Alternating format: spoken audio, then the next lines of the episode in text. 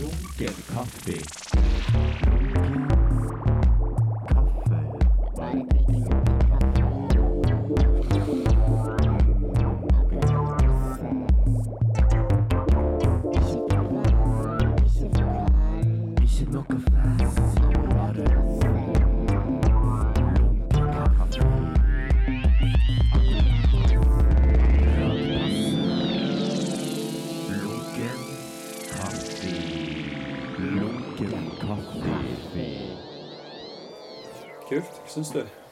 Ja, jeg er dødsfornøyd med den, jeg. Jeg har bare lest halve da. Ja. Mye gøy. Mye Det er jo det. Nei, har du lest den? Du, jeg har, skal være helt ærlig, jeg har bare lest eh, Stavanger-delen. Ja. Som den hykleren jeg er. Fikk du lese det før det ble liksom gitt? Ja, altså det jeg sier, Ja. uh, har jeg fått lest. OK. Ja, jeg har liksom korrektur på mine egne quotes. ok. På første side så står det en quote, en rap-quote.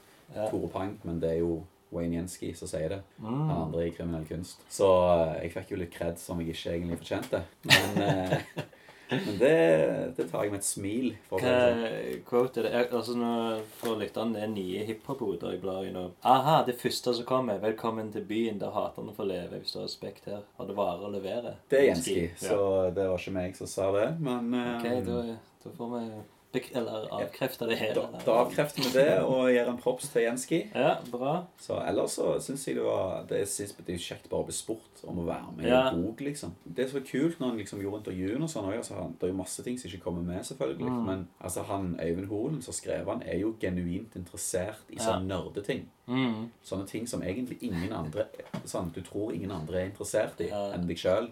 For jeg òg er jo en nerd. Ja. Eh, Så liksom, jeg er jo syns jo det er fett at ting er pinlig korrekt når det gjelder sånne der eh, historiske ting. Og det er jo masse som har skjedd i denne byen før vi på en måte begynte. ja. Og eh, jeg syns òg det er fett at sånn DJ Pursuit for Sinshine. Mm. Og ikke sant, alle de som på en måte har jobbet innad i dette miljøet før hiphop på en måte var kommersielt og det gikk an å tjene penger på det. For her står det jo at eh, DJ Pursuit lagde den første hiphop-sangen, som var 'Lines of Thought'. Det stemmer nok, det. I Stavanger, mening. Ja, han, var, han er jo fremdeles en force to be reckoned with, holdt jeg på å si, i, eh, i Stavanger hiphop, og har jo jobbet med egentlig alle som betyr noe, holdt jeg på å si. Ja. Og eh, ikke bare her, men han, altså, han har jo liksom i studio med Paper, altså Vinnie og Paperboys Ah, fra før de var Paperboys. Altså, han har stått i studio med jobb med The Rodney P og Task Force og sånne Ja. svære folk i England. Louis Mm. Parker. Jobbet med svære Altså han og det der Og det er jo ikke hiphop lenger, men da er det jo med i dancehall, men han og crewet hans, Trouble Ja. har jo jobb med Altså de har jo dubs for sånn shabarangs og sånne greier. Sånn crazy greier. Vært på Jamaica og jobbet med legender, liksom. Så Nei, det er fett at uh, Pursuit får, uh, Mm. får sin velfortjente shine. Her, det som òg er kjekt, eller løye, det er jo at det står at du er, står jeg har svar på Tommy T. Betyr det at jeg er liten og skalla, eller? Uh, nei da. Uh, Shout-out til Tommy T. Håper ikke han hører på dette her. Uh, jeg elsker Tommy T, så for meg så er det en, eh, en jævlig high five. Så det er jo kult, det. Men det er jo ikke bare meg, da. Det er jo, vi har jo vært en gjeng Mm. som på en måte har holdt på med dette sykt lenge, og liksom lenge før Altså på den tida hvor det bare var et sinnssykt pengesluk, egentlig. Mm. Og det som jeg er takknemlig for, på en måte, da For ikke å bli helt hippie, da, men eh, det som jeg er litt takknemlig for at jeg fikk oppleve, Mm. var jo liksom den tida når hiphop var Hiphop, holdt jeg på å si. Altså det var sånn eh, de, Du kjente nesten alle som holdt på med dette i landet, eller visste Ja. iallfall hvem de var. Mm. Du var på hiphop.no. Ja, ja. du kunne liksom reach out til hvem som helst. Eh, og sånn, hvis si folk var i Oslo, da så jeg, Vi var i Oslo og skulle se en konsert, så kunne du liksom skrive på hiphop.no Er det noen jeg kan krasje hos. Mm. Nå er det jo ikke noe sånn at du liksom Hvis jeg skal til Bergen, så kan ikke jeg ringe Lars Vaular så om jeg kan krasje og sånn. Eller, eller Tommy T. Sånn Hei, man. Skal inn på Eminem-konsert i helga. Er Krasje hos deg, eller sånt der. Jeg er Stavanger svar på deg. kan vi sove sammen? det funker dårlig. Ja. Så nå er liksom hiphop noe du hører på, mens før så var det liksom en litt mer Det jo helt tåpelig ut, men det var, en, det var en kultur på en annen måte, da. Ja, ja. Og eh, så sier jeg ikke at det var bedre før eller noe. Jeg syns Mm. jo egentlig det er bedre nå. ja. Men eh, det er et par sånne ting som har mista på veien, så det er litt sånn trist. Mm. Var det på de der backyard bodyrocks? Ja. Det var Mm. første gangen jeg var på et hiphop-arrangement. Ja, jeg òg. Det var Da var det jo liksom graffiti, og Ja. det var Og jeg var jo ikke gammel nok til å komme inn på Sting på de der eh, konsertene Nei. som var med Task Force og sånn. Mm. Eh, men uh, første gang jeg var ute, liksom, det var når jeg hadde liksom lånt meg et falskt legg over på Sting og så hiphop. Og det var okay. Pursuit som sto bak de tingene der. Ja. Og Mølla på Sandnes var jo en legendarisk plass. Mm. Så nei, fager. Det var dødskult. Og det er jo på mange måter inspirasjonen til når vi begynte med Explosive. Føler Mm. Ja, OK. Backyard Rock. Ja, det var jo før oss. Mm. Ja. Og Men ja. det, det var Fresh in the Flesh. Husker du det? Det var Nei. noen sånn Kristiansand-folk. Om, om de har liksom Det var de som ble Big Handy eller noe sånt. Å ja. Jeg føler det, for det var, jeg husker liksom de første som var på Backyard Body Rock, var liksom to sånn tynne gutter som var fresh in the flesh. ja, det kan godt være det. Det er, sånn, det er liksom før min tid. på en Ja. måte. Så, men det kan godt være, fordi Pursuit og den gjengen der, de har jo jævlig link til Kristiansand. ja, Og jobber med alle de der Vågsbygda. Han, Mm. han og Pani, ja. rest in peace, eh, prodda jo liksom eh, det som jeg mener er Vågsbygd si kuleste plate, altså Ok. Hverdagsninja. ja. Den er jo sinnssykt fet. Mm. Og hvorfor den ikke er på Spotify og sånn, det er jo en tragedie. Ja. Har du ikke om du har hørt den? Nei, jævlig bra Jeg, har, jeg tror kanskje jeg har vært innom den, men eh, det er veldig lenge siden. Ja. Men um... Men jeg elsker Vågsbygd Handy. Det er jo det, Og det syns jeg før så var det I og med at du på en måte ikke kunne forvente å spille gigs, få penger, selge noe eller streame noe, Mm. eh, så var det liksom ikke vits å prøve å lage noe eh, pop eller noe, da. Så du, Nei, nei, nei. folk lagde bare sine egne ting. Så Ja. når vi på en måte begynte å komme inn i gamet, eh, så hadde du liksom 152 som gjorde sin Mm. ting, som var liksom en sånn Det var litt hardt, tøft fra Sunde, ikke sant? Ja. Og så hadde du oss som var sånn litt mer sånn politiske, og på den tida var vi jo jævlig Mm. Eller jeg like røde ennå, men rapper jo ikke om politikk så mye. Men eh, det var jævlig mye sånne ting de gikk i. Atlas hadde liksom sin ting, Ja. der han snakker om ja, hans syn på verden og miljø og whatever, Mm. alle de tingene som han tar opp, eh, som han fremdeles òg gjør. ja. Og Metaphor, som var litt mer sånn smarte, clever greier. Ja. Og så hadde du eh, Hvem andre? Eh, Angst. Så var liksom litt sånn de kule skateguttene. Altså, det var så, alt var så forskjellig. Top Alle hadde sin egen ting. Top Ja, det var jo 152. uh, Ja, ja.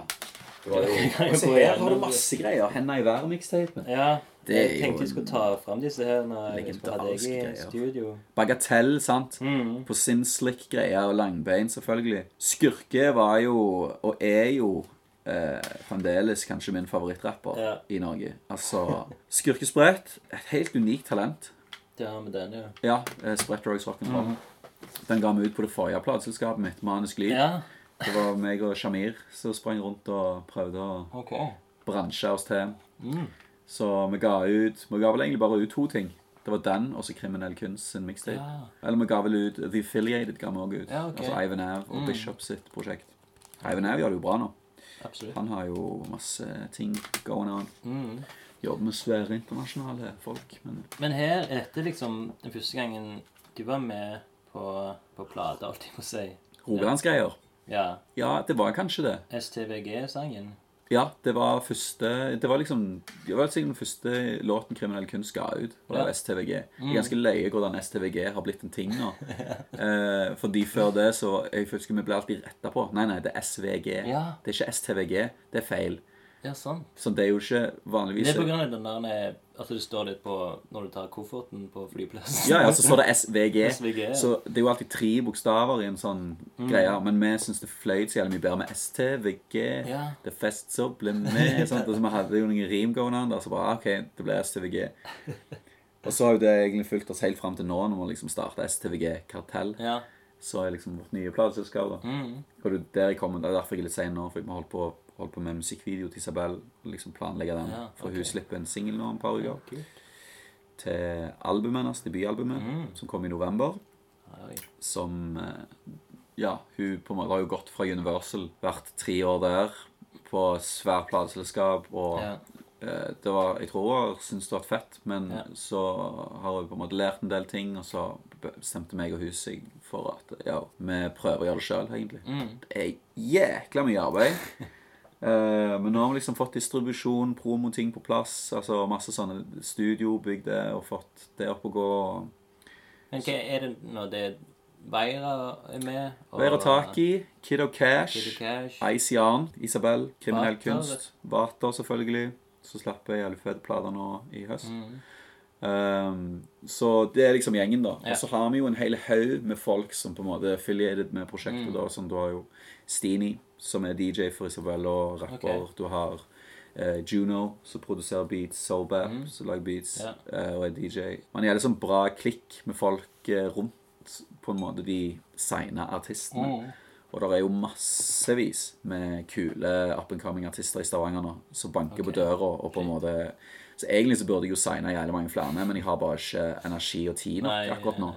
Men det er en sånn OK, så når, når på en måte er ferdig med dette året her nå, så tenker jeg da må vi ta en runde og få inn noen flere. Fordi det er altfor mye bra til at Mm. alle kan sitte på gutterommet og liksom lage Soundcloud-musikk. Det er Ja. fett, det òg.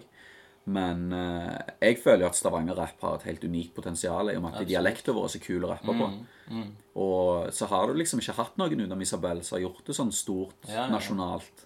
Nei. Så um, det Nei, de, de bobler jo veldig, de her. Iallfall Icy og Icy Arm. Ja, ja. Han tror jeg kommer til å blowe skikkelig nå, altså. Icy har et helt unikt talent, og Mm. han gjør ting Altså Han lager alle sine egne beats. Altså Han okay. kan kontrollere på en måte hele sin egen greie, sånn at det er ganske unikt. Men òg Kiddo Cash har Ja. en sånn Men på en helt annen måte, da. Han har en helt annen vibe og en helt annen sound. Mye mørkere. Og jo mer du på Han er mer en sånn slow grower. For du må på en måte bli kjent med artisten, Mm. Ja. tror jeg, før du på en måte elsker han. Mm. Og jeg eh, Han, han kom med en singel nå i desember som heter Håp, som er den første låten han har skrevet. For han freestyler egentlig bare ting inn i studio. shit. Og den er helt sick. Altså det er sånn. Jeg fikk et tåre i øyekroken da jeg hørte den sangen. Nice. I hvert fall, og det tror jeg også er litt fordi jeg kjenner storyen hans. Og Ja. på en måte Han kommer jo liksom fra en helt annen plass enn mange av disse andre. Og opplevd en del ting. Mm. Eh, så selv om han er en 19 år gammel gutt, så han har opplevd sykt mye til å være så unge som han er. Ja. Eh, og det kommer jo fram i tekstene. Og så har du jo selvfølgelig Water og han Vixen som han er inne der. Han òg skal gjøre noen sologreier nå. Han òg har en helt sånn særegen historie. Det jeg syns er sinnssykt kjekt med Stavanger Kartell akkurat nå, det er at de artistene her, hele gjengen, er liksom komfortable med å gjøre sin ting. Ja. Det er ikke en sånn sound. Det er ikke en sånn Sånn må det være. Nå må det være trap. Ja, eller nå må det være sånn eller sånn. De får sånn, sånn fritt spillerom. Hm. Og selv om de jobber sammen i studio, selv om de kanskje lærer litt av hverandre, så er alle sånn jævlig sånn komfortable med sin egen greie. Sånn at det er jo jævlig stor forskjell på det Kiddo gjør, og det Isabel gjør. Er Jævlig stor forskjell på det ICR-en gjør, og det Vater gjør. Mm. Eller kriminell kunst, for den saks skyld. Som er liksom noe helt annet igjen. ja. Og saksemark. Saksemark, ja ja. Mm. Sant. Ja ja, de glemte jeg jo å si. Det er jo, det er jo også et jævlig bra prosjekt. det, det er fort å liksom utlade noen fordi vi er så mange. Men, men det, det er jo meg og Bishop eh, sitt prosjekt, der vi på en måte kan leke oss litt. Han, Ja, har, jo, han har jo sine elektronikaprosjekter som er Han var jo Spellemannsnominert i fjor. Ja. Han har turnert hele Europa nå sammen med Breistein og deres prosjekt. Mm. Eh, og jeg har liksom holdt på med kriminell og liksom hatt sånn ja, ja, litt suksess med det. da Mm. Så er liksom Saksemark eh, Vi har jo kjent hverandre i mange år. Ja. Så nå har vi endelig liksom funnet en sånn plass. Ok, her kan vi leke oss litt og lage det vi har lyst til nå. Vi koser oss jævlig i Ja. studio. Det er ikke alltid vi lager musikk engang. Bare sitter og radler, tar en kaffe. Ja, Bare sånn eh, henge ut. Ja. Men fy fader, det, det er så jævlig kjekt å jobbe med Bishop, for han Ja. er jo et jævla geni. Mm. Så jeg er heldig liksom som har så fete folk på en måte rundt meg som jeg får lov å jobbe med. Og òg Håvard Rosenberg, som på en måte produserer Mm. alt for kriminell kunst. Har produsert mesteparten av Isabel sitt nye album. eh, Sånn, nesten sånn glemt skatt Ja. i Stavangers musikkmiljø. Så jeg bare Produserer få bevis òg. Ja, produsert for Mm. Bevis. Han har eh, nå Han miksa faktisk den forrige låten til Kamelen og Kingskirk. One. Mm. De spilte inn det hos eh, han. Ok. Han er på vei opp, da. Mm. Uh, og selv om han på en måte har sittet og gjort masse andre ting, filmmusikk og diverse sånn, Ja. så plutselig liksom kommet inn i hiphop-verden via oss, da. Ja. Og så har han bare blomstra. Fordi han har en helt unik bakgrunn som gjør at produksjonene hans er unike òg. Og det er jo det du trenger i dag. Ja. I 2018 så høres jo alt sykt likt ut. Og det kommer jævlig mye musikk ut. Mm. Det er sykt mye artister. Eh, så du må på en måte ha en egenart hvis det skal være vits å prøve en gang. Men han kommer fra filmmusikk. Sånn han har jobbet med det masse. masse, gjort masse greier. Han har jo jobbet mye med sånn Han har jo ja, jobbet med sånn Thomas Dybdahl, og han, han deler jo studio med Dybdahl. Han er en Og, slags engineer. er det? ja, han er, en, han er sånn alt mulig mann. Han er en tangentsnekker. Han liksom sitter og lager fantastiske melodier på tangentene sine. Han produserer. Han lager eh, sånn reklamemusikk. Han lager alt mulig slags rare ting. Spiller lydbøker. Sånn, det er alt mulig mann, liksom. Ja. Eh, Så jeg skulle ønske at eh, jeg bare hadde penger til å bare si Hei, nå bare booker jeg deg inn et år, og så bare driter du alt det andre, så bare lager du hiphop-beats. ja. Men han vil for- gjøre alt. Ja, ja. Men, men vi er sykt heldige som får jobbe med, med så flinke folk, da. Mm. Men jeg føler også at liksom, Stavanger får ofte mye sånn diss for at det er sånn lukka miljøer, og at liksom alle sitter i hver sin bås. og Delvis er det jo sånn, men det jeg merker er at hvis jeg banker på døra til en av disse båsene, så Ja. åpner de opp, liksom. Ja. Sånn forrige Isabelle-EP så trengte vi en til å synge et refreng. Vi ville ikke at det skulle være hun. Ja. Hun hadde skrevet et fett refreng. Mm. Så bare kom på hva med Morten Abel. Okay, ja. Så fikk vi tak i han, og han bare ja, ja. Så bare kom han inn. Mm. Ja, hva, hva jeg skal synge? Ja, her fikk han teksten, gikk han inn, sang det, og så stakk han inn. Sånn, ingen problem. Ja, så fint. Ja. Sånn, og Dybdahl òg er jo med på masse greier Ja, ja. av Isabel sine låter, og spiller gitar og bass, og er bare en sånn sinnssyk kreativ kraft. Ja. Jeg får jo helt sånn heter det, vondt i magen når jeg sitter der og ser hvor de jobber, fordi jeg bare sånn Jesus Christ, jeg kan ingenting. ja. Jeg ok. suger, og det greiene jeg holder på med, det er faen ikke musikk. og det, de her jævla trollmennene kommer opp med, liksom på en helt annen planet. Men eh, samtidig så syns de det er fett å jobbe med oss, da. Ja, Så så det er jo en kul ting. Men eh, velkommen til Lunken kaffe. Ja. Tore Peng. det her var introen. um, det er jo litt sur den kaffen i dag. Jeg vet ikke hva du føler. Jo, men jeg, fø- jeg føler kaffe skal smake um, mer motorolje enn blomster. Ok. Det skal være eh, litt sånn Sånn er litt ung- lunka, litt sur, så Ja. vekker han meg litt ekstra opp, da. Ja, men så bra. Vil du ha mer? Så eh, Nei, ellers takk, du. Det er litt seint, kanskje. Ja, nei, ja, nei, jeg sovner fint, jeg. Jeg kommer sikkert til å jobbe litt utover natta òg. Vi har okay. ganske mange prosjekter på gang akkurat nå, så nå er det litt sånn flere musikkvideoer i produksjon, og vi har en EP, EP-en til ICR-en som skal Mm. ut nå. Han dropper jo òg den singelen, som han sa. Isabel skal ut med to singler og album og et uh, skytespill. Jaså. For plata hennes heter Skyt meg. Uh, så bare kom hun opp med sånn Hei, kan vi lage et mobilspill der du skal skyte meg? Og jeg bare Ja, det høres ut som en sånn nachspiel-idé. Men uh, la oss prøve. Og så fikk vi heldigvis med et eh, jævlig bra firma som heter Last Friday, okay. som uh, kicka på ideen. Eh, de lager jo svære rapper til vanlig, liksom, og er jo langt Ja. over vår pay grade. Ja. Men de kicker på det, og det er jo et veldig enkelt spill, men det er jo en jævlig kul idé. Så eh, ja, det kommer nå, sammen med albumet. Det er jo ikke sånn CD-cover eller liksom du får koden inni CD-en uh, Nei, nå, det til TSB-appen, men nei. nei den kommer bare ut på AppStore sånn. og alt sånn. Men det er jo men det er sånn vanskelig å vite hvordan skal du liksom Hvordan skal du på en måte få oppmerksomhet rundt et prosjekt nå, Ja. når du ikke Og iallfall når, når hun ikke er på et stort sånn major label lenger. Mm. Det er bare oss som sitter her ute på Hillevåg og Ja. opp noen sanger i studio. Ja, hvordan blir det et album når det liksom alt blir digitalt? Det er jo også en sånn Det, det er bare noe vi kaller det.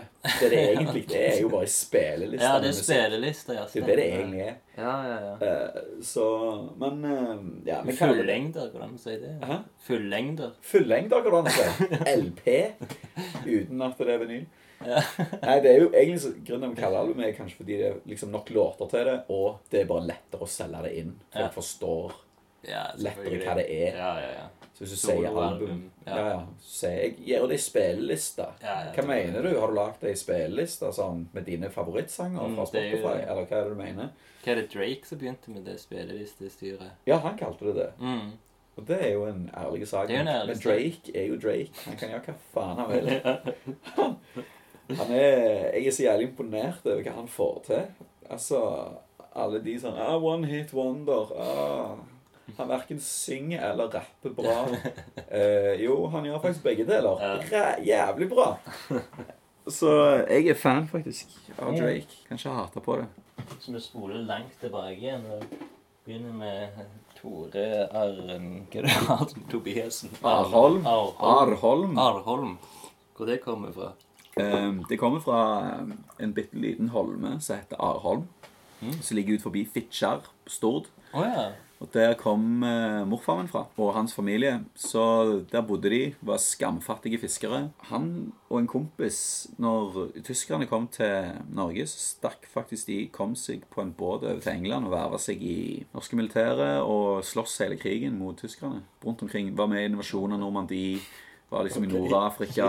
På slutten så var vi Shetland-Larsen og smugla ut norske folk i motstandsfolk. Og Det var sånne ting jeg ikke visste når jeg var liten. Nei, nei. Så plutselig en dag så bare så jeg på avisa, og så var han på førstesida i Stavanger Aftenblad. Og jeg bare, what the fuck? Og så var det sånn at han hadde fått en medalje av Jacques Chirac, som var president i Frankrike, og står og shaker hands med George Bush. Og får en eh, Altså, han har liksom den franske æreslegionen, som er den største medaljen franskmennene gir til en utlending. Han har mad sånn syke medaljer, liksom. Og jeg bare OK. Hvorfor er morfar i avisa, og hva er dette her? Jeg visste jo han hadde vært i krigen, sant? men det tror jeg liksom alle har opplevd som besteforeldre har vært i krigen på en eller annen måte. Eller sånn. Det tenkte jeg var sånn normalt. Og så plutselig skrev de ja, det var en sånn legende. Så skrev de en bok om han plutselig. Så leste jeg den, så fikk jeg jo litt sånn annet. Men heldigvis så var jeg liksom såpass voksen før han døde, da, at jeg fikk liksom ble kjent med han som mer enn morfar. Ok. Som jeg kjente når jeg var liten, så var bare sånn morfar som var flink å lage fisk og var løyen og spille Ja. fotball med, liksom. Men jeg ble litt mer kjent med mannen. Mm. Han hadde en kjæreste eh, under krigen i England, for han var stasjonert i England. Ja. Eh, Så han hadde en dame der, da, eh, og de skulle gifte seg egentlig. Hun kom fra en rik familie, og han bada sånn på at han kom fra en sånn fattig fiskerfamilie. Ja. Så han reiste hjem til Norge liksom for å tjene penger og sånne greier. Så var vel egentlig planen at de skulle hooke opp igjen. Men han eh, fikk seg jo her, da. og Hun fikk seg en ny mann, og så skjedde det ingenting. Men de fortsatte å være brevvenner, da. OK. Og så, før han døde, da, når han var liksom rundt 90, så fant han ut jeg, jeg må reise bort og treffe han en siste gang. Ja. Før jeg dør, liksom. Shit. Og bare få snakket ut om ting. en. Så han bare hopper på et fly, reiser bort og er liksom, skal mellomlande i New York. Og når flyet liksom er på vei rett over New York, eh, så er det datoen er 9-11 2001. Nei. Så vi eh, ser jo bare at disse flyene krasjer inn i uh, tårna, og bare sånn Shit, er det morfar? Men det var ikke hans fly, da, men det visste jo ikke vi. Og han var jo så jævla dårlig i engelsk, for han var jo gammel mann. Så han forsto jo ikke når han landa, at han ikke var i New York. Men han hadde jo landa i Toronto, for alle flyene okay. ble jo omdirigert. Ja, ja. Så han bare eh, prøver å finne en buss til New York på flyplassen. Er det ikke noe buss til New York her, da? Så han bare ja, fin, jeg bare går. Han har aldri hatt bil hele livet, så han har bare gått over. Så, ja, fin, jeg tar med meg trillekoffer, så bare går han langs highwayen. Så er det en familie så ser han og plukker han opp. Hei, hvor går du, gamle mann, her langs highwayen? Han forstår ingenting og bare blir med de hjem. Og er der et par dager. Og så bare stikker han derfra uten at de får vite noe. Vi vet ingenting her i Norge. Til slutt så kommer han seg på en buss til New York da, på en eller annen merkelig måte. For han skal jo fly videre i hans hode. Men der er jo all, all fly er jo kansellert lenge i lang tid. Alt er satt på bakken, så han, på slutt så kommer han seg tilbake til Canada. Nei, han ringer vel noen her hjemme. Fra en Ja. telefonautomat eller et eller annet. Og vi bare Yo, du må bare komme deg til Canada. Komme deg til helvete hjem. Det her, du kommer deg aldri ned der. Til der du skal, liksom. Nei. Men han gjør seg jo ikke da. Han skal jo bort en gang til. Ja. Eh, men da er liksom familien sånn OK, Tore, du må være med han. Fordi han, det, det her går, du, han kan ikke vase rundt der alene. Nå er han jo enda eldre, liksom. Så meg og han reiste bort der, da. Og jeg fikk treffe hun der Marjorie, okay. som han var sammen under krigen. Og det var jo faen så weird. Jeg måtte jo treffe familien hennes og sånn. Og de syntes jo det var ganske weird. Og, Var det litt sånn kleint for, for de to òg, liksom? Det Ja, altså han, han var jo aldri klein i hele sitt liv. Han ga jo faen. Han, Ja. han var for gammel til det. Han hadde, jeg tror han hadde opplevd for mye til at han bada på noen ting. Han bare, ja, ja. Skamløs. Skamløs og gammel mann, liksom. Men han var jo ganske sånn sterk og sånn òg. For han var jo sånn kommandosoldat. Mm. Så husker når han var ganske gammel. Han, han hadde jo ikke bil, som sagt, så han gikk alltid tur fra Tasta, der han bodde, ned til byen, rundt Breiavann og hjem på kvelden. Okay. Og så En gang så ble han jumpa av to, skulle rane han der. I sånn alder av 88, og skambankte de og Faen, ikke kom her! så shout-out til morfar. Jeg elsker deg hvor enn du er. Det er ikke bare en bok, det er en film. Det er Ja, ja. en Det, serie. jeg, hvis, jeg, liksom, eh, hvis jeg blir regissør en gang, Ja. første filmen jeg skal lage, er filmen om morfar. Ja. Jeg og så der og snakket en hel time om, mange timer om han. Ja. Men eh, tilbake til hiphop. Ja. Ja, det kommer til å bli supermange avsporinger her, men det er bare gøy. Ja, sorry, jeg, jeg er høy på kaffe her nå, så jeg bare snakker. Ja, men det er viktig. Vi kan ta en skål, da. Ja, skål. Hva skal vi skåle for? For kaffen er lunken. Ja, ja. Og selvfølgelig. Ja, ja, helvete. Hvorfor? Hva heter han til fornavn? Lars. Lars, ja. Oppkalt etter min tippoldefar, Lars. Mm. Eh, som var liksom De hadde en gård som var under Rosendal-baroniet. Eh, langt oppe i fjellheimen. Og han var kjent for at han var den eneste som klar, klarte å bryte med en bjørn. Han klarte å legge en bjørn i bakken. Det var liksom en sånn greie der. At eh, hvem klarer å liksom, liksom legge bjørn i bakken? Og Ok. min tippoldefar var den eneste liksom, i området som klarte det. da Jeg elsker å se folk slåss, altså. Det er sånn, ti- sånn på byen òg. Det er jo underholdende. Det er derfor det går ut på. Ja, ja, de få gangene jeg går på byen, så er det kun hvis jeg ser folk slåss. Men Vi eh, nei, det er sykt sjelden jeg går ut, altså. Det Ja, Men du drikker jo ikke. Nei, sant, så hvorfor skal jeg gå ut? Nei, jeg er ikke vits. Hva skal jeg gjøre forbi døra? Når du er klink edru, Ja. så når folk blir for fulle, så blir det bare vas. Ja, ja. Bare vas. Men vi kan gå inn på eh, lunkent bekjentskap, som er en fast i, eh, segment. OK, ja. Det er hvordan kjenner vi hverandre. Hei sann! Hvem er du? Hilset, min nye venn. Hvordan kjenner vi to hverandre? Så trivelig med nye bekjentskaper. Gøy. Jeg tror første gang jeg møtte deg, var på et eller annet sånn explosive eh, eh, Nei, eller ikke explosive, men eh, Metropolis, sånn graffiti-workshop der Atle Strøm hadde okay. Da tror jeg muligens det var første gang jeg møtte deg. Det Ja. kan være sånn 2004, kanskje. Oh shit, det er lenge siden. sånn. Men første gang jeg snakket med deg, da var jeg jo kjempefull. Så sånn at Da var du en av de, liksom. Ja, ja. En av de som det var bare gått hjem. var, måtte jeg være ute så lenge? Mar- Husker du hvilken tid det var? Ja, Marius Grøtte sin om 30-årsdagen. Mm. Sånn. Var det på tau? Ja. Ja, ja, ja. ja. Maskinhallen. Gamle maskinhallen. Gamle maskinhallen, for oss å huske det. ja, det er blitt jævlig bra i maskinhallen, altså. Nå- Jeg har ikke vært inne. Jeg sneik meg inn, Mm. um, men nå er det jo faktisk åpna. Men Ja. jeg sneik meg inn før det. Fy fader, altså. Det, vi har et arrangement der nå 9. november. Så har vi en okay. sånn Ja, jeg så det. Kamelen. eh, Kamelen og Ice Jan. med. slipper jo plata si den dagen. Uh, så okay, det blir jo begge deler blir jo equally fett. Mm. Uh, men Kamelen, han Ja, river det jo ned det hver er gang. helt rått. Men det er kanskje litt skummelt. og jeg- Han er jo gangster. Han er jo en gangster. Det som er så fett med Kamelen, det er at han er egentlig verdens sånn hyggeligste type. Ja, det ja. Jeg vet ikke om du følger ham på Instagram. Nei, jeg har Det- bare hørt sanger. da. Jeg kan anbefale det. Okay. For han er Det er sånn jovial. Han er, og ja, han er skamjovial. Han er, og det var det som var sånn, fordi jeg hadde jo litt sånn fordommer jeg, mot han. For Ja, jeg hadde ja. truffet han, for jeg hadde jo bare lest Ja, han er Han er liksom Politiet. gangstergreier og banker folk og la, la, la, la, la. Så tenker jeg ja, det er jo ikke så fett. Eh, og så treffer jeg han, så er det bare sånn uh, Altså, OK, du merker jo at det, Jeg tror ikke det er vits å slå han. Da får okay. du pryl, liksom. Jeg tror ikke du skal, liksom, du skal tulle med han, liksom. Men, men eh, det du gjør jo ikke det uansett. Du, uh, så han er bare en jævlig hyggelig fyr. Og jeg hadde han på Metropolis i vår.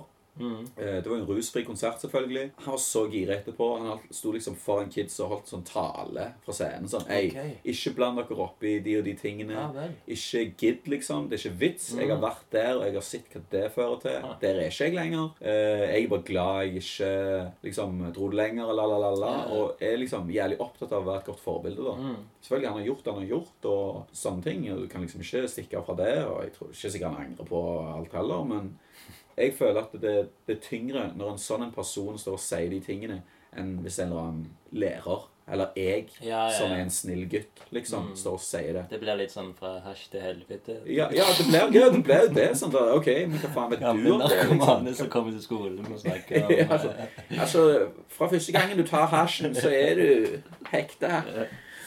Nei, men det er helt sant, selvfølgelig. Det må jo være folk som har levd i det, som kan si at dette er feil. er Sant? Og ja, ja, så jeg eh, Nei, jeg var sykt positivt overraska. Og han, altså, hiphop i dag er jævlig fett, men det er Ja. veldig syngete. Mm. Og det er kult, det. Ja, men jeg- Du synger jo ikke. Ja, jeg synger, jeg. Men jeg syns likevel det er noe når du liksom hører noen som bare rapper Ja, sånn på en rett veldig ifra hard bit. Rett fra levra på en hard bit, ja. Ja. På en, det er bare en tung, fet beat, og så Mm. bare sier han noe jævlig tøft.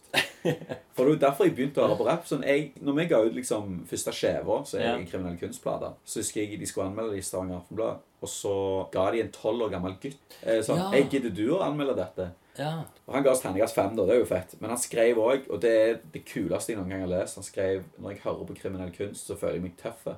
Og da ble jeg påminnet om hvorfor jeg begynte å høre på, på hiphop. Fordi det var derfor jeg òg begynte å høre på det. For jeg Ja, følte ja. meg tøff. Mm. Når jeg trykte på Hvis jeg hørte Method Man eller Redman, hvem som helst, liksom rappa noe tøft, Ja. følte jeg meg fet.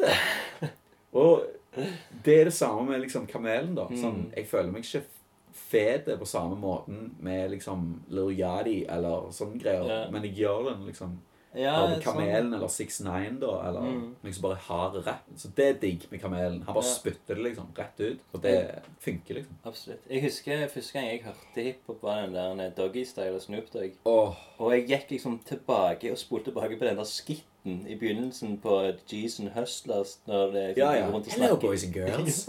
I'm your substitute teacher. Og det er når han gutten sier I wanna be a motherfucking hustler. You better Better ask somebody. Det syns jeg var det kuleste jeg hadde hørt i mitt liv. Og da var jeg sånn ti år gammel. Ja, ja. Liksom. Men det var liksom Dette her er oh, Dette er musikken som Ja, ja. sikker liksom på grunn av banning. Og så kommer den biten på et Ja, ja, ja, ja. Absolutt. dun. Ja, nei, det albumet der eh, meg og Håvard eh, blæsta det i studioet om dagen. Da jeg ikke hørt på det på lenge. Ja, Rosenborgen. Lenge siden jeg har hørt på det. Ja. Eh, men det er sånn Jeg ser liksom ikke hva album som skal toppe det. I historien nei. Ja, nei, altså I hiphop-historien så er det er vanskelig å konkurrere det ut. Det er òg vanskelig Du å si kan si Ilmatic. Du kan si Ilmatic, eh, men jeg setter ikke på Ilmatic og får samme feelingen. Nei, det er kanskje sant. En, altså, jeg fatter liksom sånn Hodet mitt sier kanskje Ilmatic, ja. mens, mens følelsene mine eh, Dansefoten Ja, sånn, eh, ja. magefølelsen Ja, sant. Det sier Doggystyle. Ja. Og um, selvfølgelig Chronic òg. Ja. Men jeg føler liksom Der er det litt sånn som du kan hoppe over. Så Det er et par sånne, sant? Men liksom de, de, de gjorde det perfekt på Og så er det et par sånne vers. altså sånn Snoop eier hele Doggystyle. Ja, ja. Han har jo gjesteartister, Absolutt. men på The Chronics er det kanskje litt mye forskjellige folk inne Ja, ja, ja. og søler det til. Jeg så eh, et eller annet Jeg husker ikke om det var en dokumentar eller hva, men han der DOC-fyren Ja, ja. som bare egentlig skrev hele Doggystyle og og Chronic og alt, liksom. Ja, ja, ja. Han ble jo nesten ikke nevnt i historien, men Nei, men jeg føler de drar han fram. Hvis, Jo, han gjør kanskje det. Jo, sånn eh, de, de liksom eh, nevner jo han og albumet hans 'No One Can Do It Better' i Ja. flere låter. Og på uh, Up in Smoke, for eksempel, den DVD-en. Husker den? Husker du den?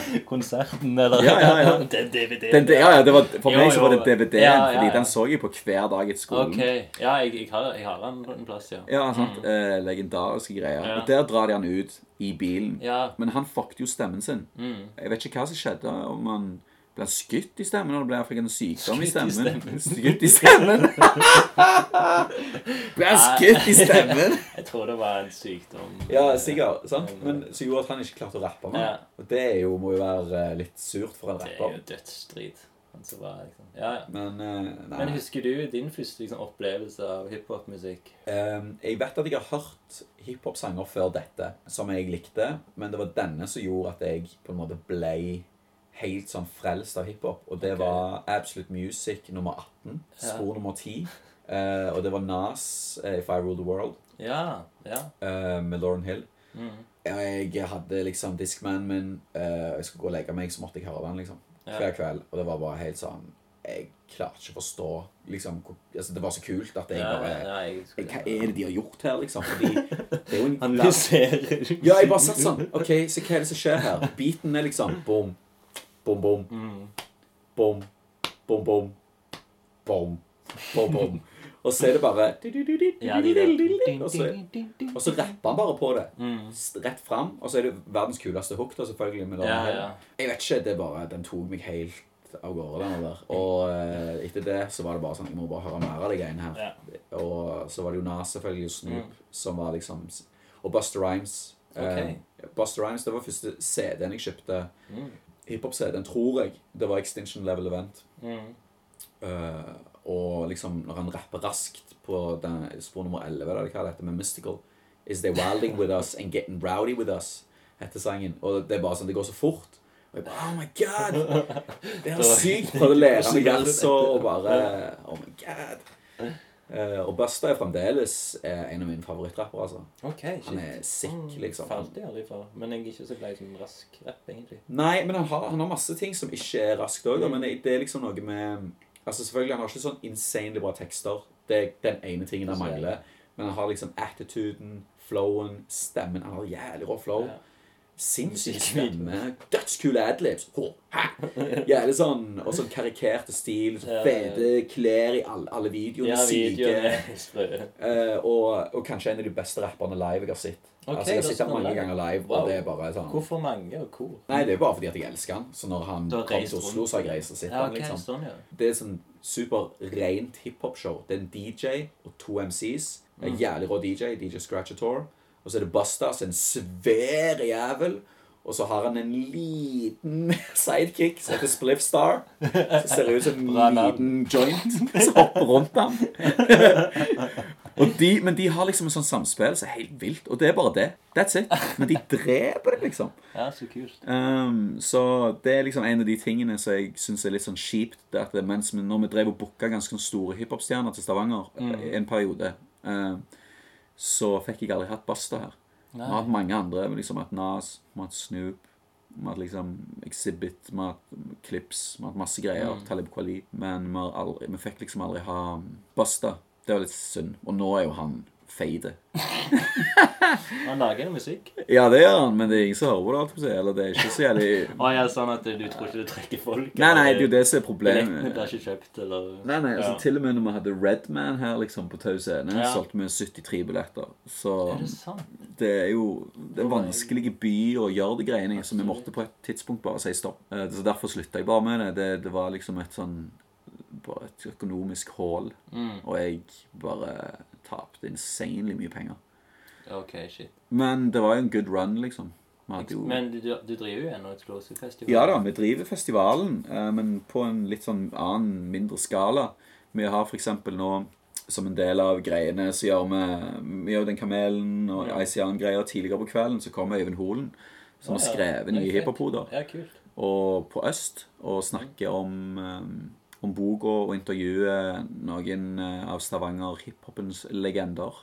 Om miljøet og historien til Ja. Stavanger-hiphopen. Er det deg, dette? Eh, nei, eh, ikke meg faktisk. Eh, det er fremdeles litt eh, i loff opp i det blå hvem det blir. Det blir diskutert. Mm.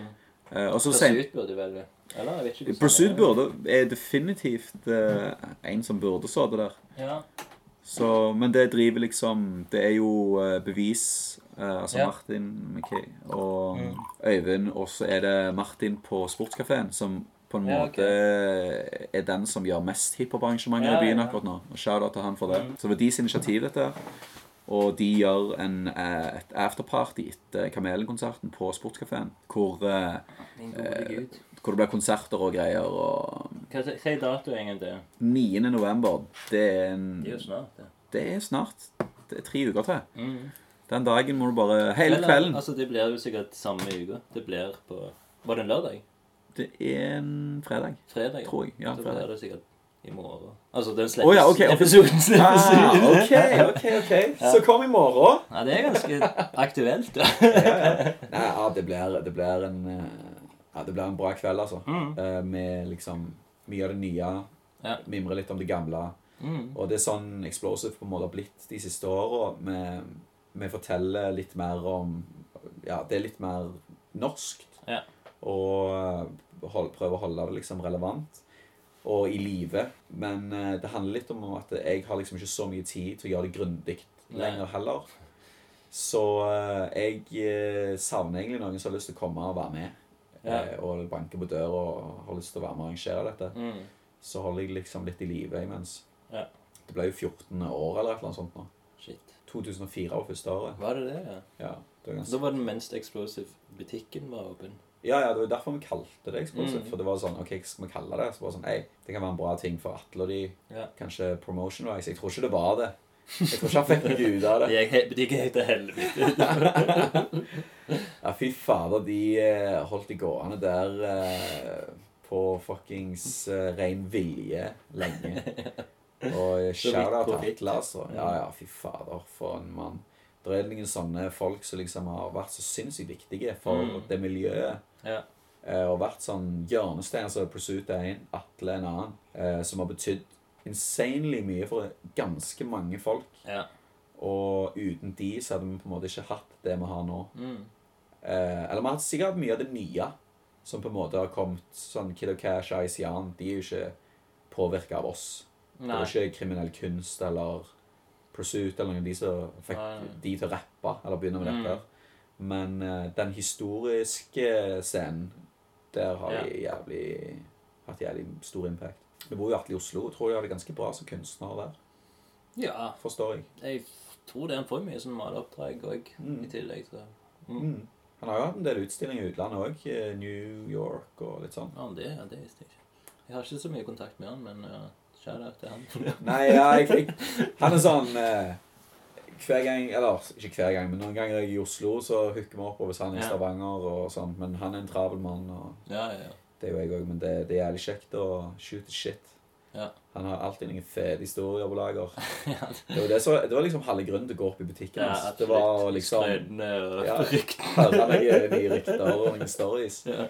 Det er noen sånne eh, Mange av de på en måte old school hiphop-folka Mm, kunne vært jævlig bra standup-komikere. Jeg tror Atle og Bevis eh, De er sånn De har liksom storytelling som en del av sin personlighet. Mm.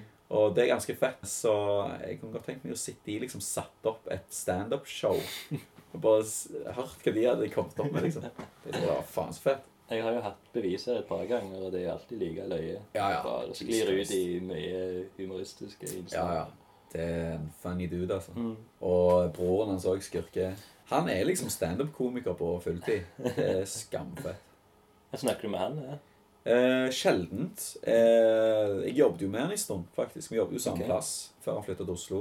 Mm. Men eh, så har jeg liksom mista litt kontakten. Jeg liksom hooker opp av og til hvis jeg er der borte og Ja. eh, får tak i nummeret hans. Han skifter jo nummer i og ne. Eh, og flytter litt rundt og sånn. Men eh, nå sist så var jeg på MNM-konsert i sommer. Okay.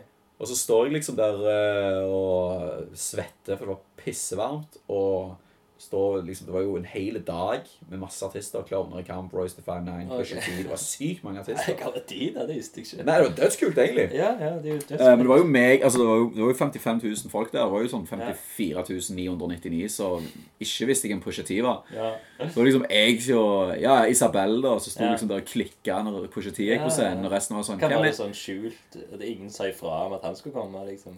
Nei, det var bare sånn De solgte ut M&M-billettene. Ja, sånn. ja. De bare sånn M&M kommer! Og så solgte de ut, og så var det sånn Ja, faen, vi må jo selge mer øl, liksom. Eh, Så vi bare putte på noen artister. Jeg tror ikke de har betalt mye for Pusha T. Jeg tror hvis han får mulighet Hey, du får muligheten til å spille for 55 000 i Norge når plata de dropper. For det er jo rett etter plata hans hadde droppa. Jævlig bra promotion. Ja, og den er jo dødsbra. Ja, faktisk. Mm. Kul plate. Eh, men ikke like kul som den forrige, syns jeg. Eller den, ikke den forrige, men den uh, My Name Is My Name. Yeah. Den syns jeg var yeah. Den var sick. Uh, Ja, ja. Og Pusha er jo en av mine favorittrappere. Okay. Uh, Ja, du hadde jo han her med klips. Hadde det. Mm. Det var en eh, rar eh, opplevelse, fordi OK, long story short, de hadde ikke fått pengene sine, men jeg hadde betalt det inn til han som satte opp turneen. Det var okay. noen som hadde fucka seg der, og bla, bla, bla. Shit. Og så kommer de her og har ikke fått pengene sine, og jeg er ganske sur på meg. Og bare sånn Yo, du må bare hoste opp eh, fem, 50 000 kroner, du. Eh, hvis ikke så spiller vi ikke i kveld. Og jeg bare «Åh!» Og jeg var liksom unge og hadde jo faen ikke så mye penger og bare hosta 50 000 der på et par timer. Men jeg klarte faktisk å gjøre det og liksom få tak i pengene og greier, så de spilte jo og var happy. Men eh, det var en litt sånn skummel opplevelse å stå der og ha sånn folk som du vet er sånn passe harde gangstere og kokaindealers sinte på deg når du er en Vant med at pengene ikke alltid blir betalt, og hva de skal, hvordan de skal Ja, ja, sånn, hmm, eh, hvordan, Hvis jeg ikke hoster opp de pengene, hva skjer da? Må jeg bare sånn ikke komme på hotellet deres da, eller? Nei, men de var faktisk jævlig kule. Og Ja. de Hvis de hadde, hører på, så ja, ja. Nei, men faen, shout-out til gangen, altså. De hadde òg med Jeg vet ikke om dere husker De hadde en, en, et crew som heter Re-Up Gang. Ja, ja. Um, og så var uh, Pusha T, Malice fra Clips og Ab Liva. Mm. Og han, Ab Liva er en sånn barndomskompis av de. Og når han, han også var med de Han er jo en sånn tre meter høy bamse eh, som ser skamfarlig ut. Men jeg bare var sånn Hei, meg og deg må jo lage en sang, liksom. Begynte jeg, eh, Og han bare sånn Ja, da, vi gjør det. Så, når, så jeg bare, ja, fine. Så når vi kom på flyplassen og jeg kjørte de ut der etterpå, så var han sånn Du, skal vi ikke lage en sang, meg og deg? Jo, fett det. Så bare sendte jeg han liksom et beat og noen greier. Og så bare tracka han på det på turneen og sendte det til meg. Så jeg har en track med Abliva okay. fra Rehab Gang.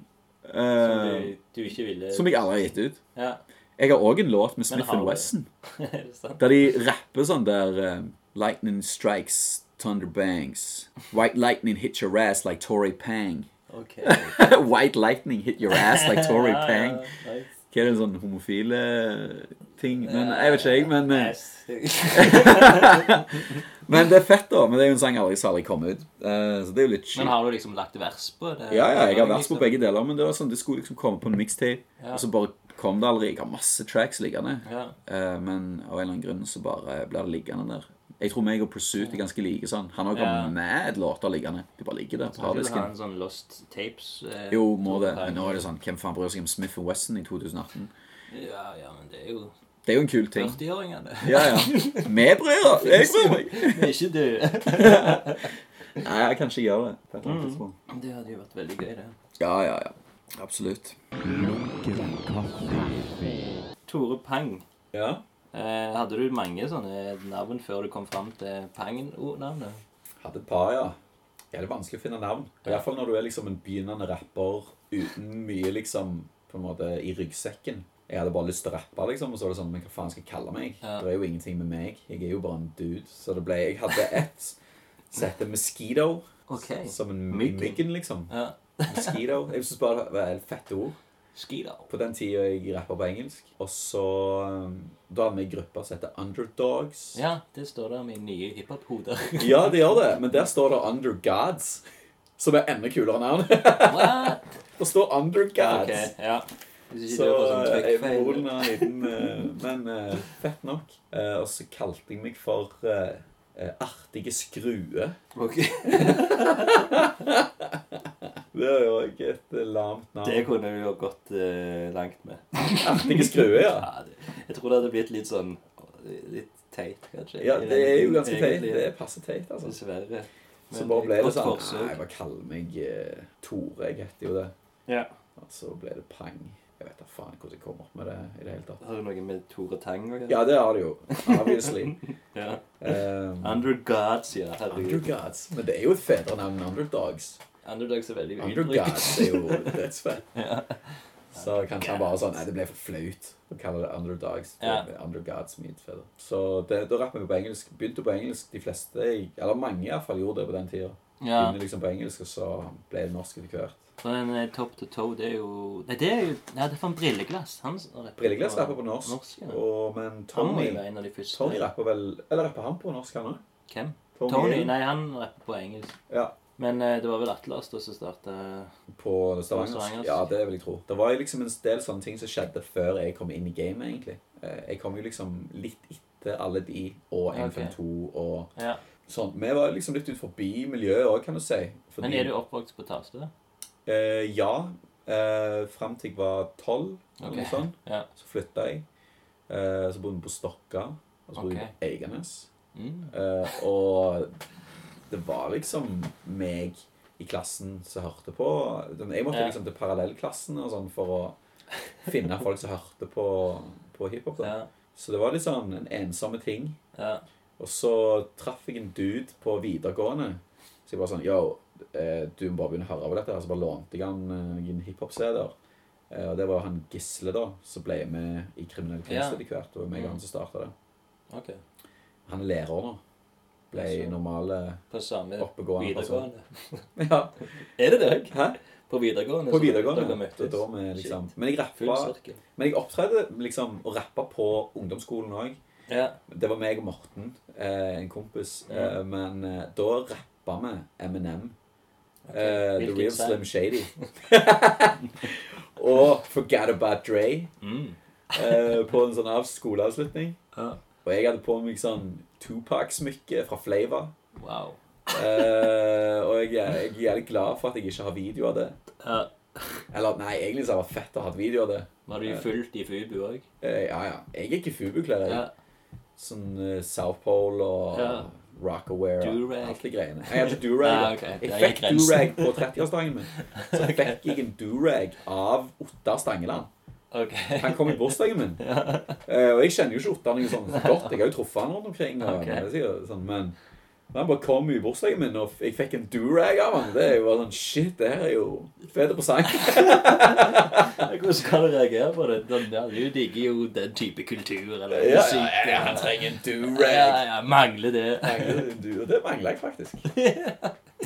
Eh, ja, jeg husker jo det at folk syntes det var litt sånn weird når jeg kom i sånn altfor svære South Pole-bukser Ja. og sånn. Jeg var jo en Det de, du ville kalt en wigger. Mm. Men samtidig så savner jeg de klærne litt.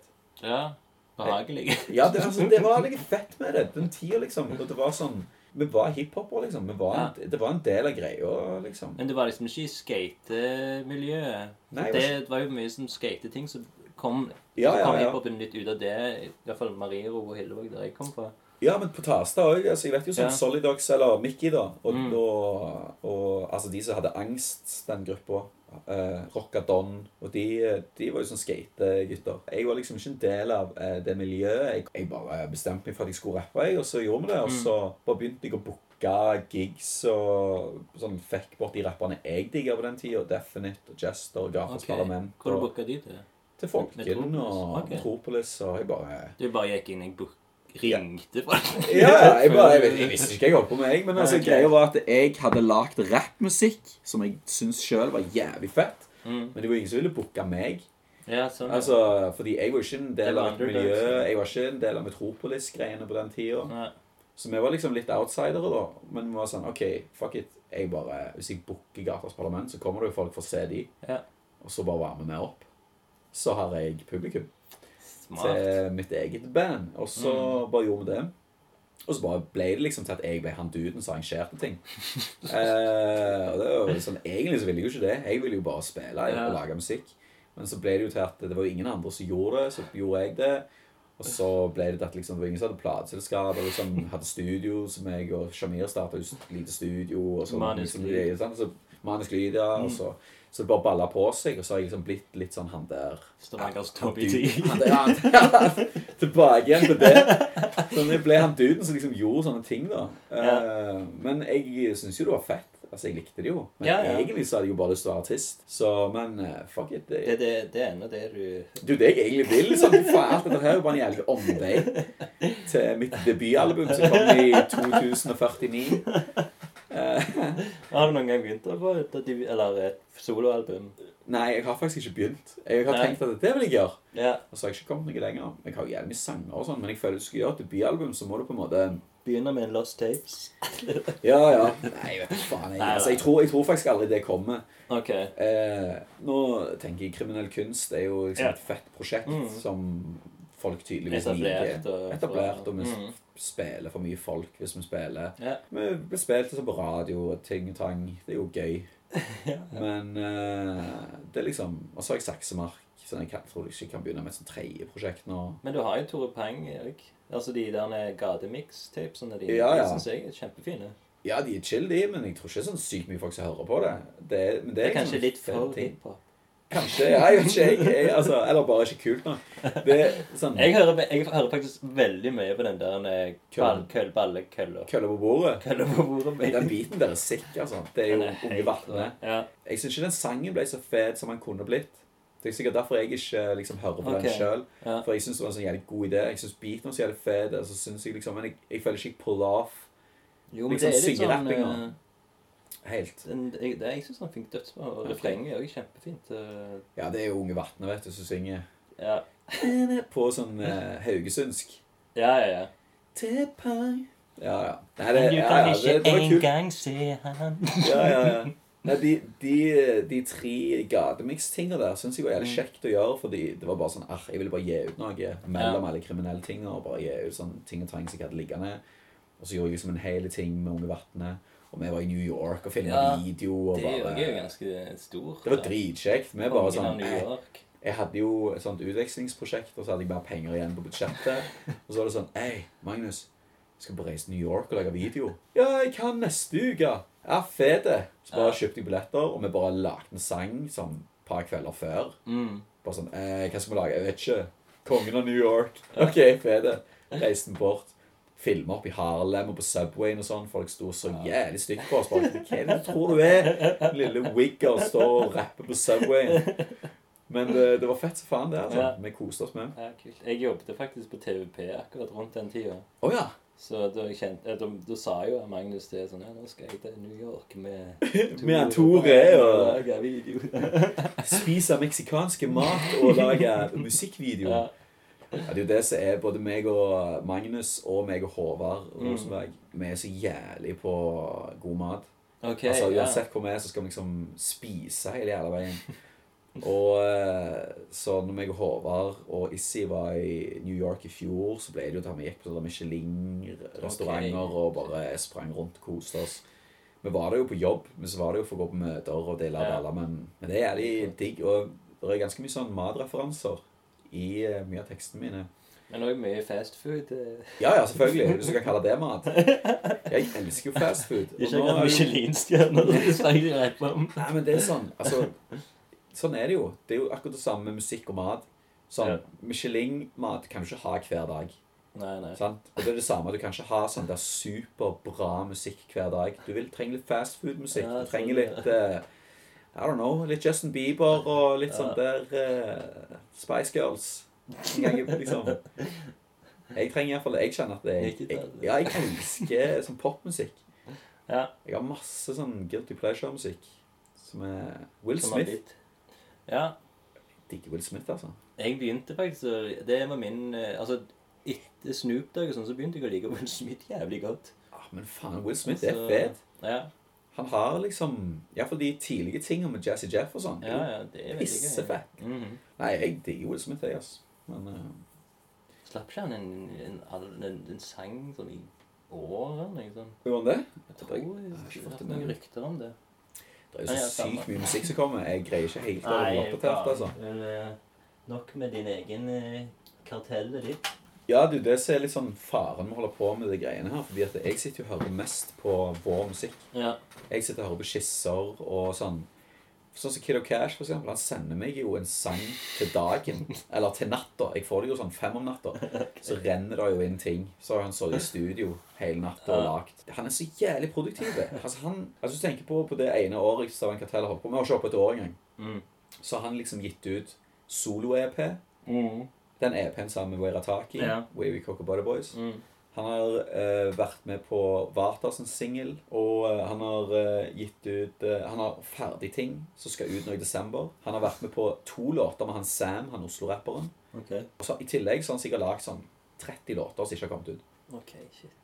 Duden er et beist, liksom. Hvor fant han egentlig? I rennestein. Nei, men altså, det var faktisk Wairataki som bare tok ham opptrening okay. på Metropolis. Det er jo ofte sånn. Ja, ja. At jeg treffer jo på Metropolis. Og det er Mm. ganske, sånn, ganske kult at jeg har den jobben der. At jeg treffer jo mange av de si, før de er talenter, til og med. Bare sånn Mm. de er interessert i noe. ja. Og så var det liksom han og Isa, hvis vet hvem det. Han har Ah, flyttet vet til Oslo. Og, okay, han har flyttet til Oslo nå og signet med Sony. Men det er litt sånn R&B. Ja, det, ja, ja. Han, litt sånn sy- syngete Ja, for jeg tror jeg har hørt navnet. ja, ja, han er dødsfet, han òg, Mm. altså. Men Men han ISA? ISAH. Ah, ok, det er derfor jeg ikke Isa. Isa. Nei, han er, han er Ja, okay. faen. Og, og de to kom liksom til meg der, og vi lagde noen låter og greier. Og Mm. jeg hooka det opp med Sorbe, Ja. han beatmakeren. Mm. Og så bare begynte de å lage låter, og så bare kom, det kom de bare på løyvende bånd, liksom. Klarte ikke å slutte å høre på det heller. Det var sånn, jeg satt og hørte på de der tingene Ja. de lagde, så var det sånn jeg hører jo at dette er jævlig sånn ikke så bra som det jeg er vant med, på en måte. Eller det var jævlig sånn uferdig. Okay. Mm. Men det var noe med det likevel. Og jeg tror det var liksom stemmen hans. Og så har han en R. Han prater sånn som dette her. Ah, det Og det er jævlig interessant. Og så fortalte han jævlig sånn sprø ting. Jeg snakket om jævlig sånn sprø ting i sangene. Ok, ja. Og, bare, og så ble det bare bedre og bedre. Og nå syns jeg han er skamfete. Og mens sånn som Icy Icy Arn, han jobber på en helt annen måte. Han er sånn Hver sang han lager, blir noe. Ja, Altså han, og så lager han færre sanger.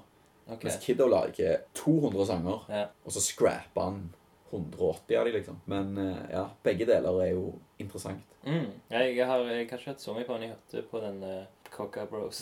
Ja, Wave Coca Butter Boys. Butter Boys. Ja, jeg det. Ja, men ja, det syns jeg var dødsbra. Ja, det er, det er noe der, altså. Skikkelig mørkt, liksom. Ja, ja, det blir bare mørkere og mørkere. Ja, og Werataki Satanisk, nesten. Ja, ja, og Werataki på noe enda mørkere skitt nå på solotingen sin. Ja. Han holder på å spille inn en solo-EP nå som heter okay. Favela Music. Eller Favela Musikk. Jeg er ikke. Famela Music eller Famela Musikk. Jeg vet ikke. Hva er Famela? Favela er jo der Det er jo gettoen i Rio. Ja, ok. Eller i. Brasil, Mm. tror jeg. Eller, eller i Sør-Amerika generelt. Jeg er litt usikker. Peri. Han kommer fra Peru. uh, han kommer fra gettoen i Peru. Ja. Uh, altså, jeg tror Det er vel faren hans er fra Peru. ja, men han har og, vokst opp i Stavanger. Ja, vokst opp på ja, ja, Eller Perus versjon av Stavanger. Ja. Altså Kjensvoll. Madla, ja. Ja, sant, Hønsvoll, kanskje. uh, og Nei, det er dødskult. Og beinhardt. Og altså, hardt og mørkt. Og, og jeg bare sånn Jeg elsker jo Era. Han, Mm. Ja. har, han kom med den EP-en sin for et par år siden, så var det sånn Mm. Shit, dette er den nye vinen, liksom. Ja, sukker og Eh, salt. sukker og salt og denne refleksvest Ja, ja, ja, de ja. låtene der. Skamfett. Og Jeg, jeg, den her eh, Jeg tror jeg trenger drugs, for denne kaffen vil ikke vekke meg opp. Ja, Den er så nydelig. Ja, akkurat noe.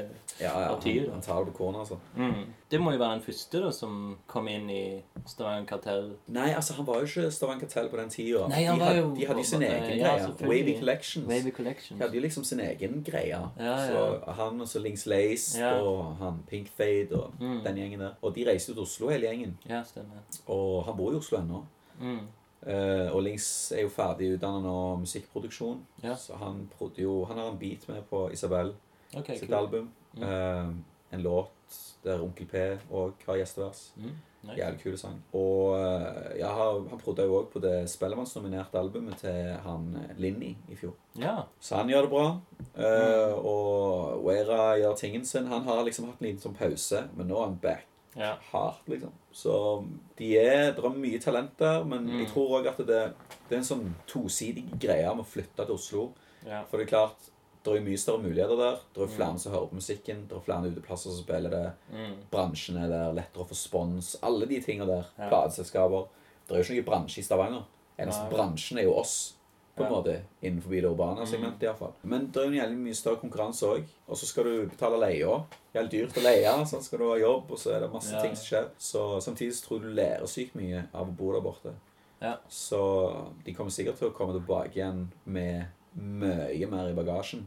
Men Mm. jeg håper jo at flere av de flytter hjem igjen. Ja. Altså sånn helt ærlig.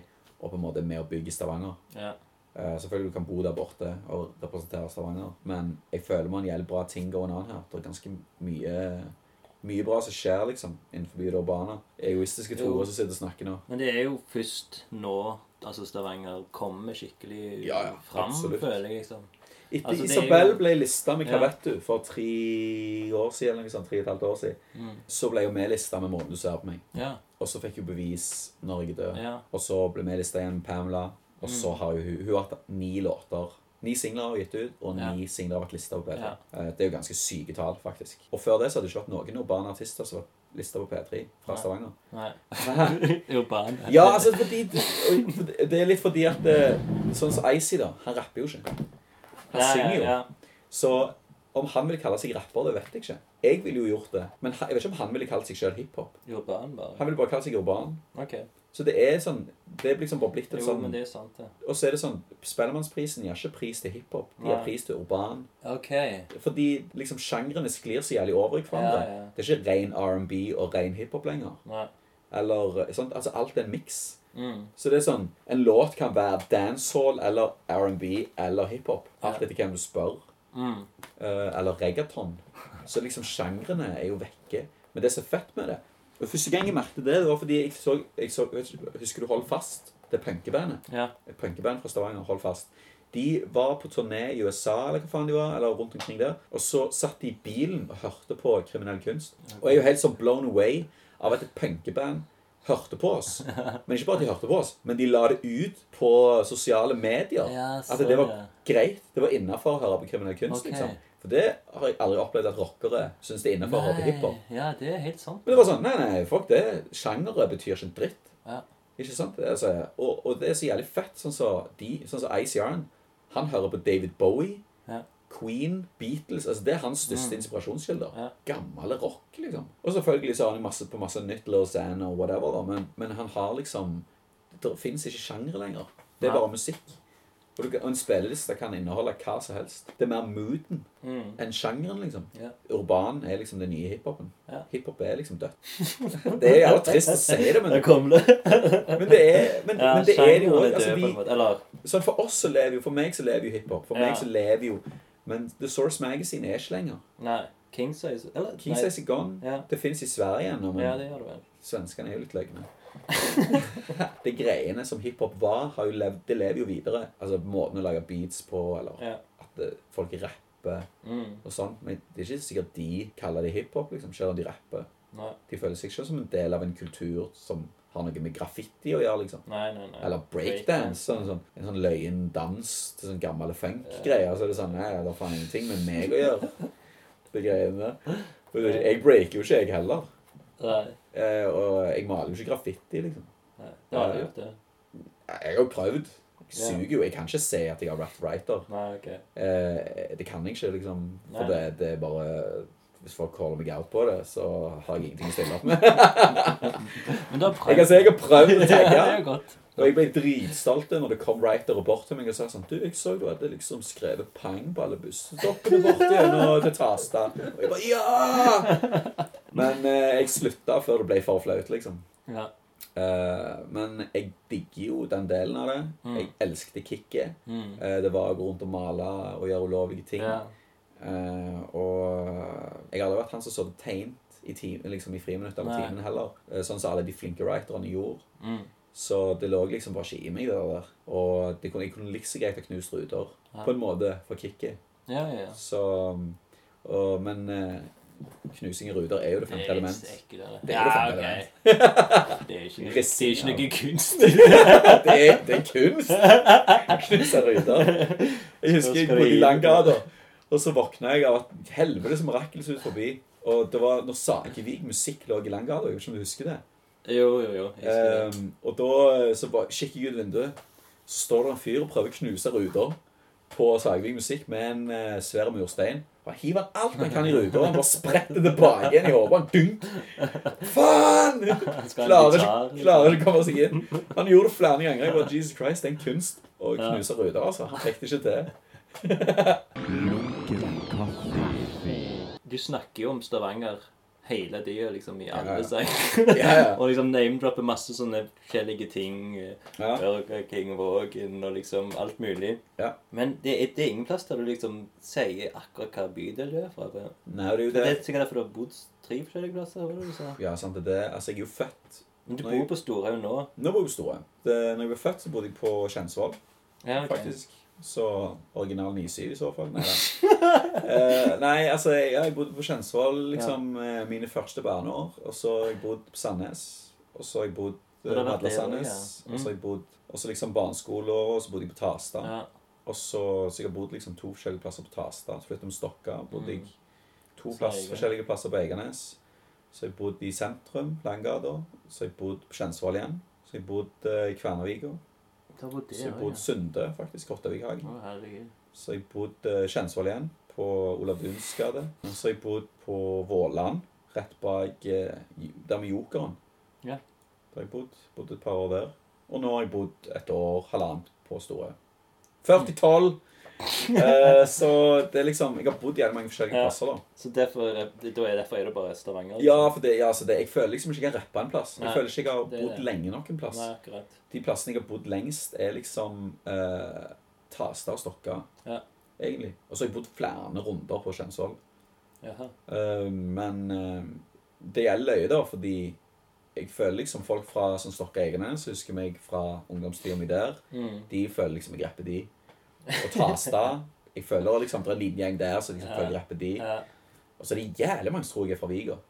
Okay. Det er sånn, ja, ja, Jeg treffer hele folk som tror jeg er fra Viga. Og jeg tror kanskje fordi jeg har vært sammen med Isabel så lenge. Og hun Ja, er fra Viga. Ja. ja.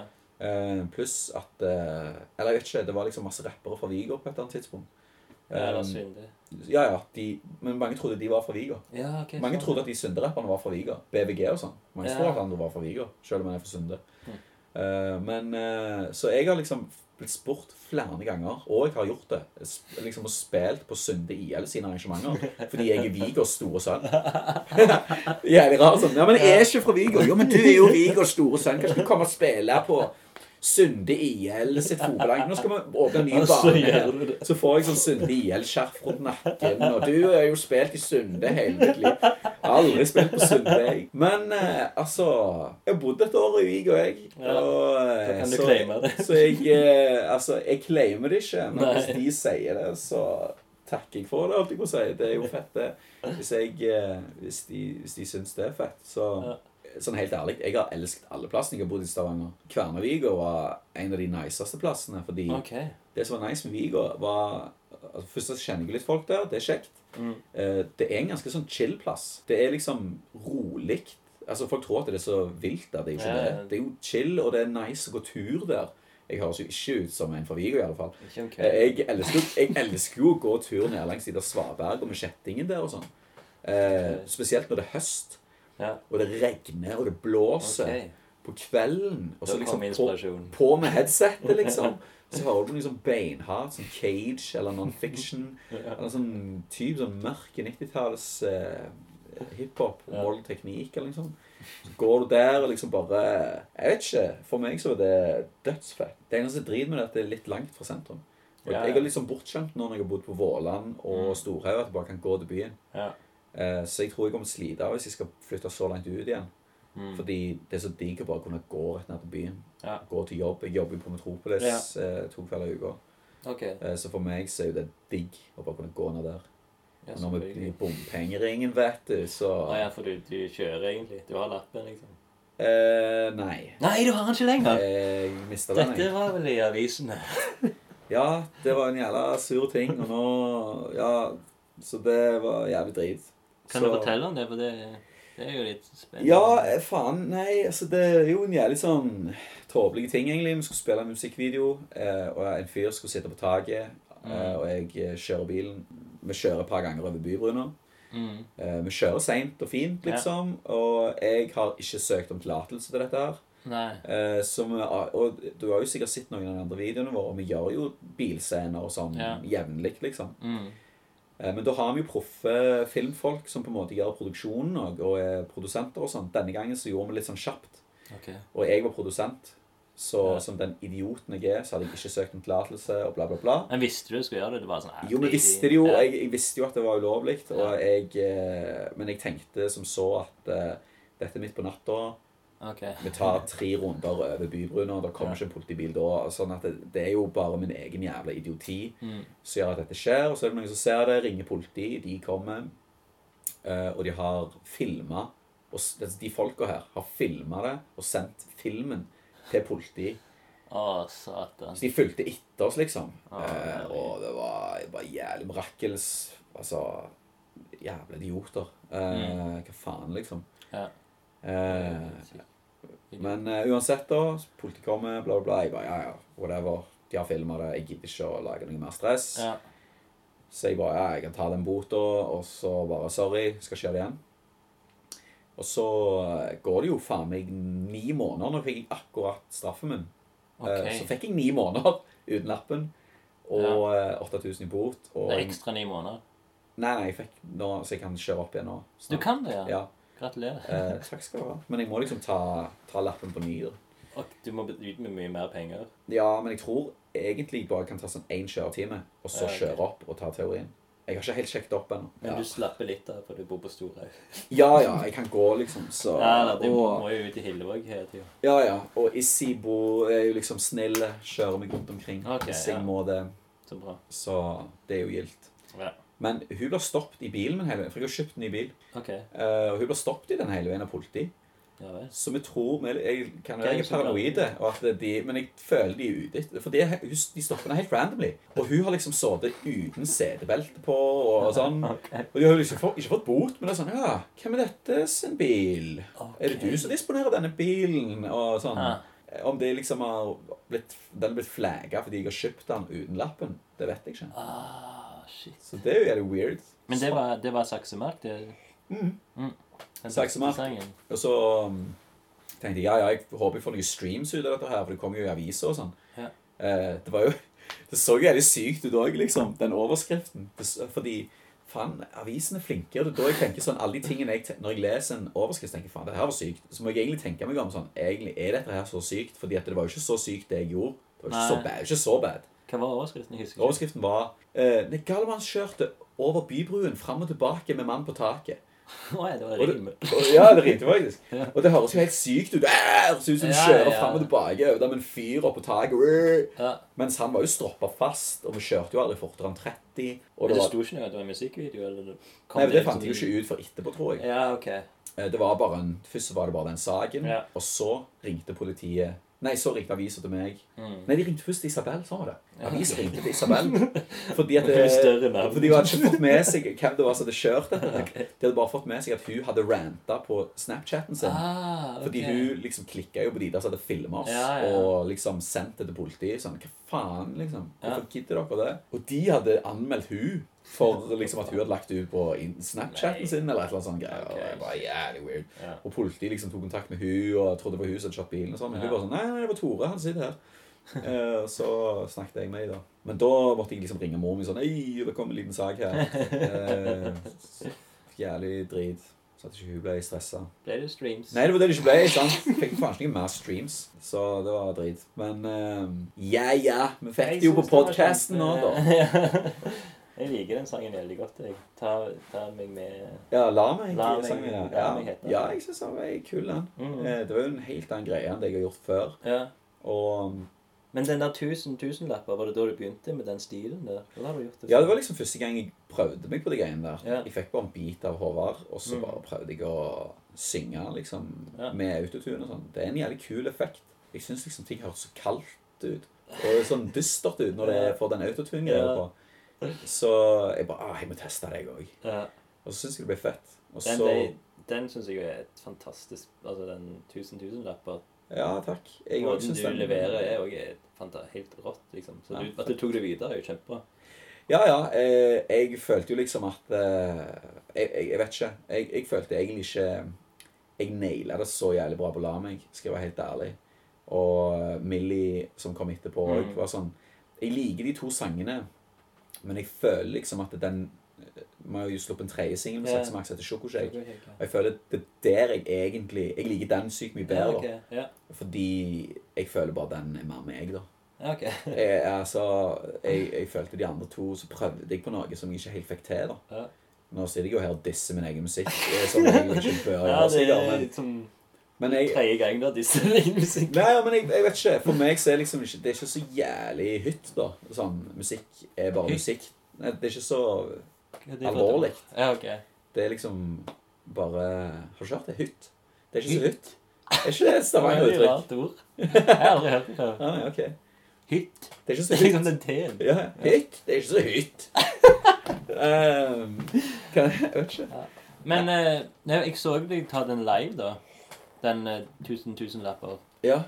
Eller er det 100? Det er 1000. 1000, ja. Ja. 100 000 lapper. Det var det, det var det Universal kalte han først. Så tenkte jeg sånn, Det her var liksom jævlig on a budget. Det er jo 1000 000 lapper, bro.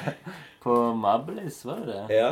Det, det også funket jo. Gjorde det? Live, Ja. Jeg syns det var helt jævlig. Ok. Jeg syns det var helt forferdelig å synge. Fordi når du er i studio og synger, så har jeg liksom roen. Når jeg står på scene, så må jeg på en måte gi meg. Jeg må bevege meg og sånn. Og det å synge med autotune syns jeg var jævlig vanskelig. Jeg følte ikke jeg nailte, nailte det. Jeg, følte, jeg føler jeg har liksom blitt bedre på det nå. eh, etter å liksom øvd litt med det. Men det er sykt vanskelig å synge med Ja, det er det jeg trodde òg. Jeg syns det er sykt mye vanskeligere å synge enn å synge vanlig. For det gjør det ikke noe om du synger litt surt. Nei, nei. For du, du er jo live, liksom, og whatever, man. Jeg er jo ikke en sanger. Men med en gang det er autotune på, så hører du det så sykt godt når det er surt. Ja. Uh, så en som Jeg har ja. merket det, men ja. Ok, nei, nei, er sånn som han Nike, eller Vixen som han kaller seg nå, han i ja, han er ja. han er jævlig rå på det. Altså, han er sick, okay. liksom. Mm. Det er, jeg ble sykt imponert. det. Han er rå på det, men han har jo øvd som faen òg, da. Ja. Og jeg har ikke gjort det, så jeg må bare lære meg det. Men uh, det er en ganske kul effekt. Og så treffer jeg sånn mye sånn gamle folk som sånn 'Jeg gleder meg til det autotunen er ferdig'. Å ja. Og så er det sånn Jeg tror aldri det blir det. Jeg tror, jeg tror de første gamlingene, de som var 50 når fuzz-gitaren kom Jeg tror de da sa det samme om den. Ja, 'Nå må du snart bli ferdig med den der fuzz-gitaren.' Det er jo bare sånn stygg lyd. Men uh, autotune, den Ja. jeg, Altså, JC lagde sangen 'Death yeah. of Autotune' Mm. for 15 år siden. Eh, og det funka ikke så jævlig bra. Men denne 808 Heartbreaks den, Eller det Ja, ja. Kanye West det er jo helt sinnssykt bra ennå, liksom. Ja, ja. Han Han uh, Men jeg, jeg likte ikke den plata da den kom. Nei, du gjorde ikke det? Jeg, jeg var en av de som hata på det. Okay, ja. Jeg er en sånn type så da Jeg er sånn jeg, jeg, Det begynner med hat. Jo, men, jeg, jo, men jeg, jeg vet ikke. Det ligger Jeg litt er sånn type. jo, men jeg, Noen ganger så blir jeg sånn skuffa over meg sjøl fordi jeg er liksom Jeg er litt hater, altså. Okay. Uh, men jeg tror litt det er litt av den der at jeg kom Altså den haternes hovedstad-greia. Stavanger-greia ligger så dypt i meg at det, jeg hater deg først, og så må du overbevise meg, liksom. Og så digger jeg deg. Uh, og det er jo litt sånn Det er så stress med å komme herfra òg, fordi folk Akkurat som når vi begynte å rappe på stavangersk. Mm. Alle hata det jo. Det sånn, for det første så har du ikke lov å rappe fordi Nei. du bor jo på Stokka oh, ja. og er hvit gutt. Mm. Og altså, så kan du ikke rappe på engelsk engang. Du må liksom gjøre det på stavangersk. Det er jo helt grusomt. Men hvor måtte du liksom komme fra for at det var OK å rappe? Hvor er liksom Somalia, Groruddalen, liksom. Nei, jeg mener i Stavanger. Å ja, nei, nei. Hvor er Stavangers Groruddalen, liksom? Nei, ja, jeg føler liksom sånn Sunde-Vigo er jo litt Ja, er fetere da enn uh, å bo på Stokka. Ja. Eh, Så jeg føler det er litt mer innafor. Jeg vet ikke om de ville sagt det, for det kan godt være at de opplevde det samme der ute. Nei, men det er Men- ikke sikkert det er jo litt skittent. Ja, det er jo er på søndag. men, eh, men, jeg føler, men jeg har jo òg hørt fra liksom sånn somalere og sånn at det er sånn Hei, du har ikke lov å rappe. Ja, sånn, ja. Det her er vårt, liksom. Ok. Uh, jeg klarer jo ikke å ta det helt sånn seriøst. Jeg, jeg Hvor er somalske rappen? Nei, nei, altså, ja, ja, det er jo òg en ting. Men Ja. det, det er sånn jeg, Den kulturelle appropriasjonen, Ja, ja. eh, det er jo en ting nå. Mm. Du må ikke lov å ta noe fra noen. Uh, samtidig så føler jeg liksom at uh, Jeg vet ikke, jeg, jeg, alt, jeg Alt som jeg er, har jeg stjålet av noen. Ja. Det er ikke, jeg har ikke kommet opp med mitt eget språk. Nei. Jeg har ikke lagd mine egne klær. Nei, har, og hvis jeg hadde lagd de, så hadde jeg tegnet de sånn som jeg har sett klær før. Altså, det er ingenting med meg som er originalt uansett. Alt er stjålet. Så jeg har liksom Jeg klarer ikke å Det er ingenting som er ekte, da. Så det blir en sånn rar diskusjon der. da. Men eh, kanskje noen andre ser det på en annen måte. Jeg vet ikke. Alt handler jo om å være ekte før, liksom. Altså, Hiphop handler jo om å være real. Ja. Og real er jo å kopiere det rette. ja. At som skal høres ut som DJ Premier fra Ja. østkysten. Mm. Og rappen skal ha eh, liksom sånn multirim, og du skal rappe om å være en god rapper. Og liksom rappen skal handle om å disse andre rappere, og at jeg er den dopeste rapperen. Og fuck deg. Eh, og alle de du kjenner, og plassen jeg kommer fra, er den feteste. Og rappe crewet mitt og alt det sånn. Ja. Eh, så du skal på en måte kopiere Du skal stjele de rette tinga, da. Mm. Og det er jo det som er litt sånn drit. Eh, For på en måte så må du jo være innovativ òg, da. Du skal jo gjøre noe. Men jeg følte at det var en fed ting, da, fordi vi har jo kopiert hele veien. Kriminell kunst, eksempel. Vi har jo stjålet så ravner av eh, alle, liksom. For det første så kommer vi ikke opp med hiphop eller rapp. Vi stjal jo det. Ja, ja. Sånn som vi hørte det liksom ble gjort fra USA. Men med en gang du gjør det, da, bare at du gjør det på stavangersk Sånn at i stedet for at jeg snakker om Bronx, så snakker jeg om Stavanger. Mm. Uh, og i stedet for å liksom snakke om drive-by shooting, så snakker jeg om å spise pizzabaker. Ja. Eh, for jeg snakker egentlig bare om min egen hverdag. Ja. Så, så funker det jo. Ja, ja. Så det blir jo mitt. Jeg føler jo jeg, jeg føler at vi har en jævlig sterk identitet. Sånn, Alle de rapperne som jeg fucker med fra Stavanger, da, sånn, Bevis har sin stil. Det er ingen i hele verden som høres ut som Bevis. Og hvis Mm. En bevissang kommer på, så hører jeg det innen tre sekunder. liksom. Ja. Isabel, samme greia. Mm. Det er ingen som høres ut som Isabel. Nei. Den laid-back stemmen, den myke Mm. vokalen, eh, måten hun flower på, Mm. beats hun velger. Totalt hennes, men hun òg har stjålet fra en plass. sånn. Ja, ja. Og kriminelle samme greia. Jeg, jeg føler liksom Det er ingen som gjør det vi gjør, Nei. sånn som vi gjør Nei, det. Jeg, jeg vet ikke om et annet ikke sant? Nærmeste jeg kommer, er faktisk sånn Kjartan Lauritzen. Jeg føler, Ja, han, ok. jeg føler det han gjør, er litt sånn det vi har prøvd å gjøre. sånn der Good vibe, opptempo, funky beats. Ja. Og litt sånn Litt tøysete, men eh, Og han er kanskje enda mer humor enn oss, da. Altså enda mer tøysete. Vi, Mm. ja. vi er jo ikke tullerapp, liksom. Nei. Jeg tror det er mange som har liksom tenkt det. At vi er litt sånn tulle, tullerapp. Men jeg tar det jævlig seriøst, liksom. Sånn. Vi er ikke skolekorps, liksom. Nei. Vi tuller mye, vi, li, vi liker humor, Ja. men det er jævlig sånn Vi tar det jævlig seriøst. Vi er et seriøst band liksom, som prøver å lage bra musikk. Ja. I don't know, Jeg vet ikke hvor du skal dra den linja der, altså. Men uh, vi identifiserer oss i alle fall som et hiphop-prosjekt Ja. fra den kulturen eller whatever. Men det Skal vi, skal vi bare høre litt på den aller første Det jeg tror er det første verset ditt? Ja. Det du tror er det første verset mitt. Eller iallfall på, på, Ja, på plata, da. plata. Ok, ok. Så dette her er deg. Ja. Til å begynne her. Det er meg, ja. Den har jeg ikke hørt på tidligere år sikkert. Det er fredagskveld, akkurat ferdig ikke på jobb. Ser det fylles i godt med både fyll og hiphop. Unge høyrefolk, stakkars står bare og glor på. Men dette her er kvelden der jeg driter i hva du tror på. Menger med alle, de som fyrer opp en sjalle. Noen chiller backstage og tar ei kalde halle. Så fyrer opp et beat og et par frekke rim. Fri stil fra Jenski etter en liter lekker vin. Men du vet jeg trekker ikke beskrive det. Stå på si og le mens en får spyr på sine klær. Mens de rike ser hvor jeg går river ned. De snormer om at jeg skal gå i fine klær. For jeg driter i deg, har du et liv som le. Jeg er ikke lagd for å leve et liv på mine knær. Noen driver og ber, bruker tid på det. Bruker heller tid på å dyrke energien vi gir. STVG! Opp opp med passet, hendene i været. Fuck over klasse. Fest over med. Alle ble med her. Bygg opp Stavanger. Det er her det skjer. Satan. Det er jo en banger! Men den, den høres jo ut som sånn klassisk, veldig klassisk hiphop-ut. Ja, det var, det var mer Jeg vet ikke hva du skal kalle det, men sånn rapperapp enn jeg husker det. Ja. Hopp og da pop og da la la la la. Sånn bare jævlig sånn eh, Nesten sånn karikert eh, rapp, da. Ja, også litt sånn eh, litt uh, jazzete beat. Var nesten litt sånn uh, Tribe Called Quest. Ja ja, det er jo en, det er jo en jacka beat. Det er vel Delinquent Habits sin okay. beat. Uh, ja. Lower East Side. Er det det, ja? Så det er jo ikke vår egen beat. Eh, alt er stjålet. Det, nei, det er en jævlig fet eh, beat, faktisk. Den, jeg har den vinylen en annen plass. Ja. Men ja um, Men der rapper du om uh, Rapp om å være rusfri. Rapp om å være rusfri, og at vi er fedre. At Mm. jeg er fedre enn alle andre. Ja. Og alt det hiphop-greiene. Og det, at det er her altså, skjer. Det jo, altså, akkurat, Stavanger. jo, jo, så, akkurat refrenget, men altså, du begynner altså, det, altså, det første er, som du legger ut, det er jo liksom Det handler ikke om de fire elementene, på en måte. Det handler Nei, om deg, liksom, og det er jo litt kult. det er kult at det ikke gjør det.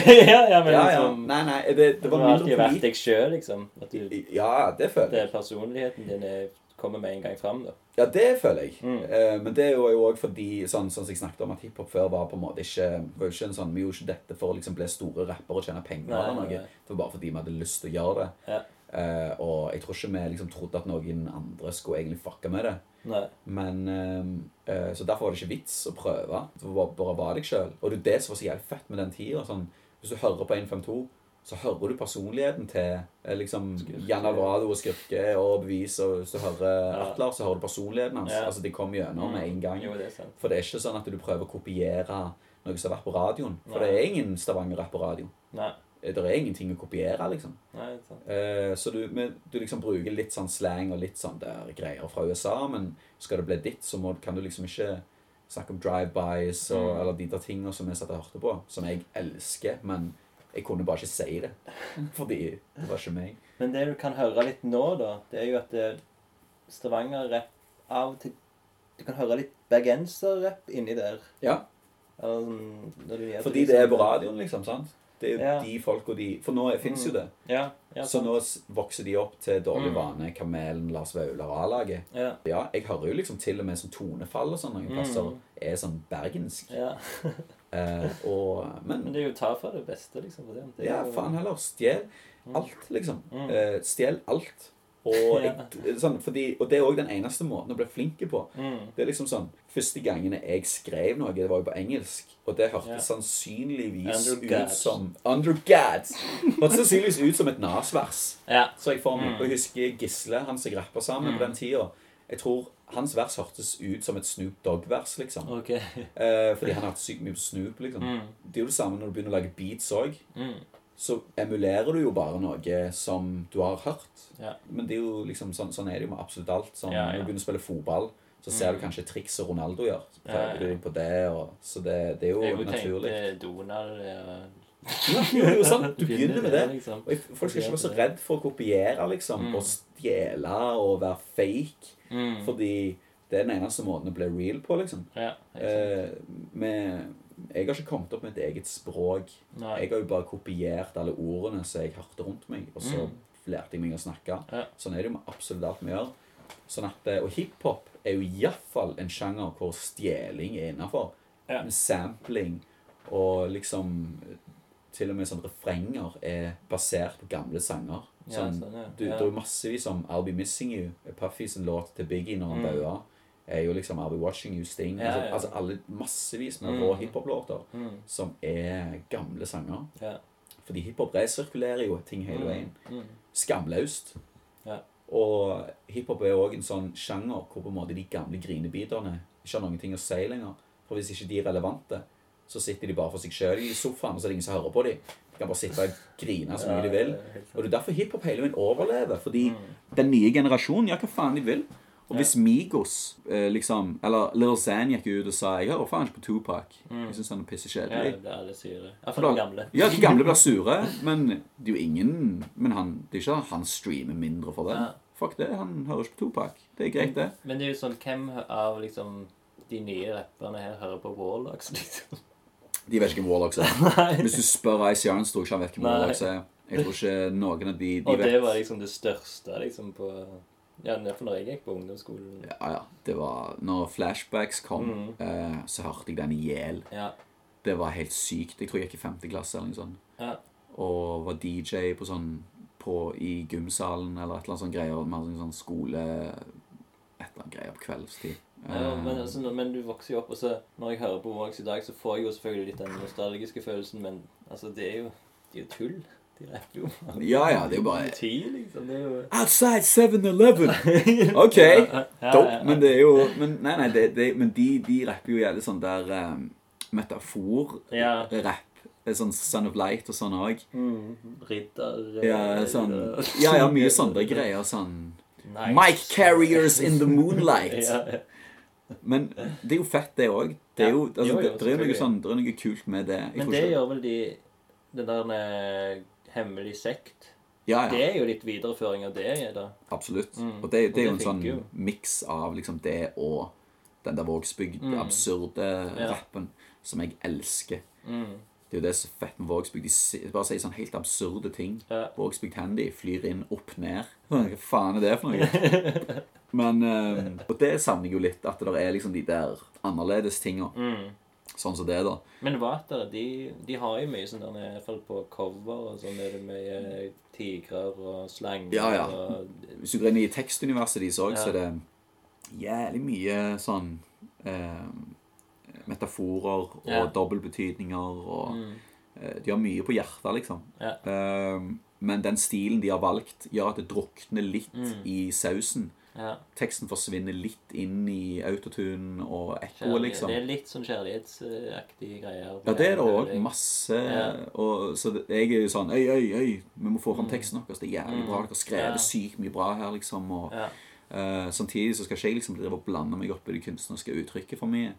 Eh, for jeg, men jeg fucker med de greiene deres hardt, liksom. Og spesielt live så syns jeg de er sånn ja. Sånn det de auto, Sånn som jeg sa, det autotune-greiene de har live, Jeg er så jo den jeg var på den der eh, release-festen til den der coca Ja, Wavy Coca Butterboys-tingen. Ja. Ja.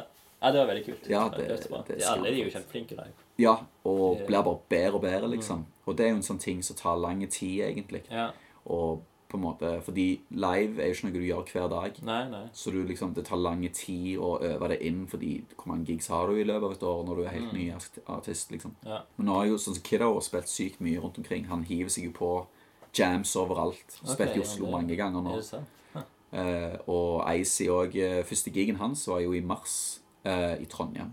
Var det det? Eh, for da, ja, jeg hadde fått en gig i Trondheim eh, som Tore Pang, liksom. Mm. Så var jeg sånn, faen Hva skal jeg spille for noe, liksom? Jeg har ikke så jævlig mye soloting, jeg, men fett at jeg blir booka. Så bare spurte jeg sånn Hei, Kiddo, Icy, vil dere være med?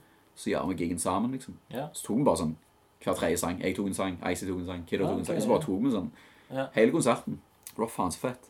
Det var første gigen hans, faktisk. Ja, kult. eh, og eh, de var dødsdope da allerede, liksom. Mm. Men så er det noe med at Det var en liten scene, og så er det noe liksom når du større og større scene, så er det vanskeligere og vanskeligere å eie det. Ja. Nei, faen, jeg syns de er dope, jeg, altså. De, Ja, jeg alle de det- leverer, leverer fete ting. Og de kommer til bare til å bli bedre, liksom. Mm. Sånn som Weira Kiddo har begynt å eksperimentere litt med å bruke live-trommer og sånne ting. Mm. Det er fett. Ja, Weira var trommeslageren din en stund. Ja, ja, ja. Weira har vært alt. Weira, han er Jeg har brukt han til alt. Han, er, ja, ja, han har vært DJ og backup-rapper Ja. og rapper og trommeslager og Ikke sant? Tour manager. Så meg og Weira går way back. Ja. Han sier det faktisk på den der Sukker og salt. Ansatt hos kriminell kunst. Pang, pang, pang. sier han. Det er jo fett. Weira er en jævlig bra mann. Og uh, flink på mange ting. Så jeg håper ikke han legger trommene helt på hylla heller, for han er en jævlig dyktig trommeslager. Men én ting om gangen. Ehm, vi får ikke tid til så veldig mye mer, men jeg må iallfall innom det faste innslaget Nei, Bergman. Ja, Formelig Bergman.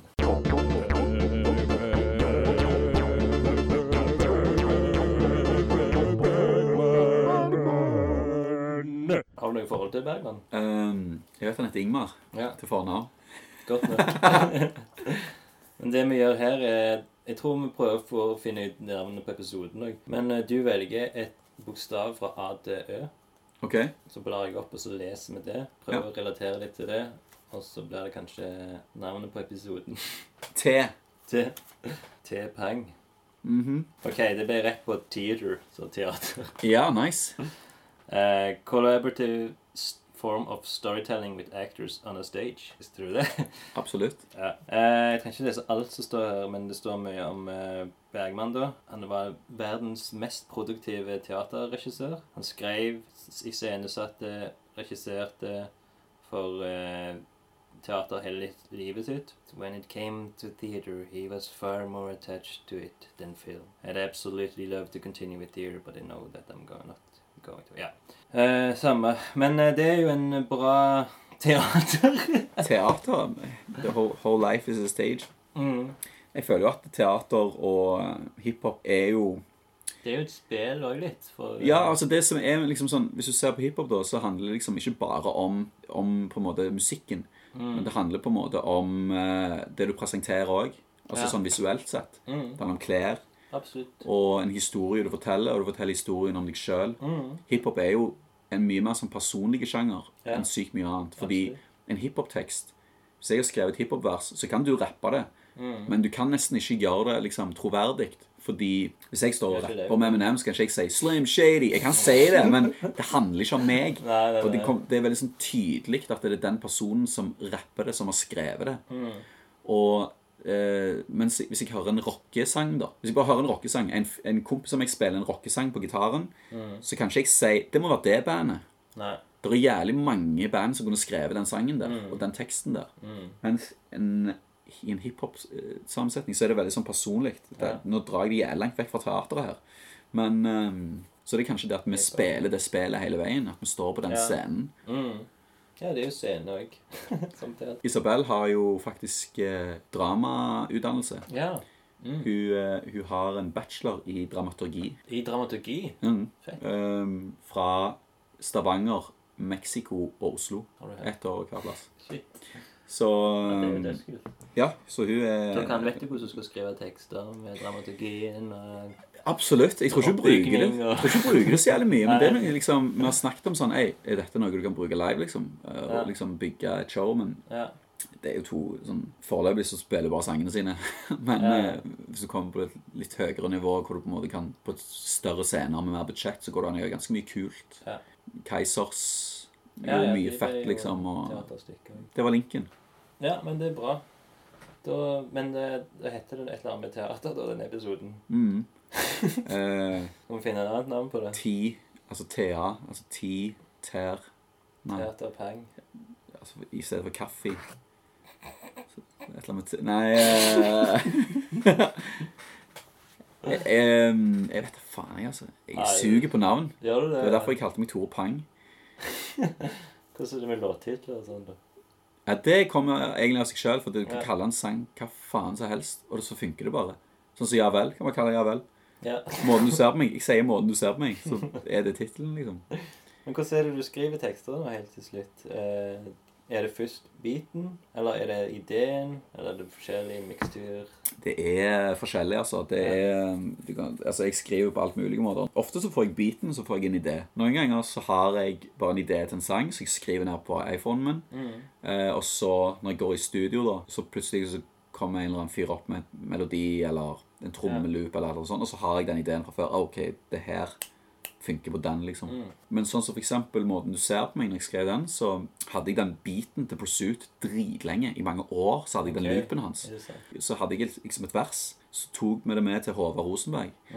Og så hadde jeg et refreng. Og så Håvard sånn Du har ikke et annet refreng? Ble jeg fornærma? Var sånn Hey, bro, dette er refrenget, liksom. Hva mener du?» du? de bak i Mayo? Eh, ja, ja, det var sikkert noe sånt, ja. Ja. Eh, og så bare Alexander har snakket om det. Å ja, ser du det, ja? Ja, ja. Og så bare han bare Nei, nei, bare prøv å komme med et annet refreng. Og så måtte jeg bare komme opp med noe on the spot. Ok, ja. Og så gjorde jeg det. Og så var det Hey, aha. Digger den måten du ser på meg. Så var det den ene setningen jeg hadde, liksom. Men det funker jo. Funker som faen. Det funker så faen, det. Så, så det kom sånn pisseraskt. Ja, Men sånn som Pamela-refrenget, det var sånn sinnssykt langt in the making. det er. For vi hadde liksom melodien sånn vi ville ha den, og så var det vanskelig å finne ord som passet. Ja, Så, og derfor så ble det masse engelske ord inni der, fordi noen ganger så er det bare det bare smeller bedre på engelsk. Du gir Ja, meg chills, sånn. får meg til å føle meg så nice. så det er bare Sånn ble det. Men har du noen gang vært sånn veldig tro til stavangerspråket og bare sånn Nå skal jeg ikke få inn noen engelske ord, liksom. Nei, Issi er jævlig på det. Okay, ja. Hun, hun er jævlig sånn uh, Hun sitter liksom og skriver ting, og så er det sånn Nei, nå ble det litt sånn engelsk inni her. Mm. Så jeg men, Hvem faen bryr seg om det? Nei, det er jo egentlig Sånn, jeg- snakker jo sånn. Jeg snakker litt sånn, Ja. og noen ganger så tror jeg det er litt kleint at jeg sier engelske ord. Eh, sånn Spørs hva setting, kanskje. Ja, ja, men setting sånn, Det er jo bare et engelsk ord som er liksom i dagligtalen. Sånn. Og hvis jeg sier shit, så syns sikkert alle på min alder og eldre at det er faen Hva faen er det du sier? Du er nordmann. Er jo Si eh, med- 'jøye meg' eller et eller annet. Men med, med referanser. Det, Det The Wire òg, så var det en Ja, ja, ski.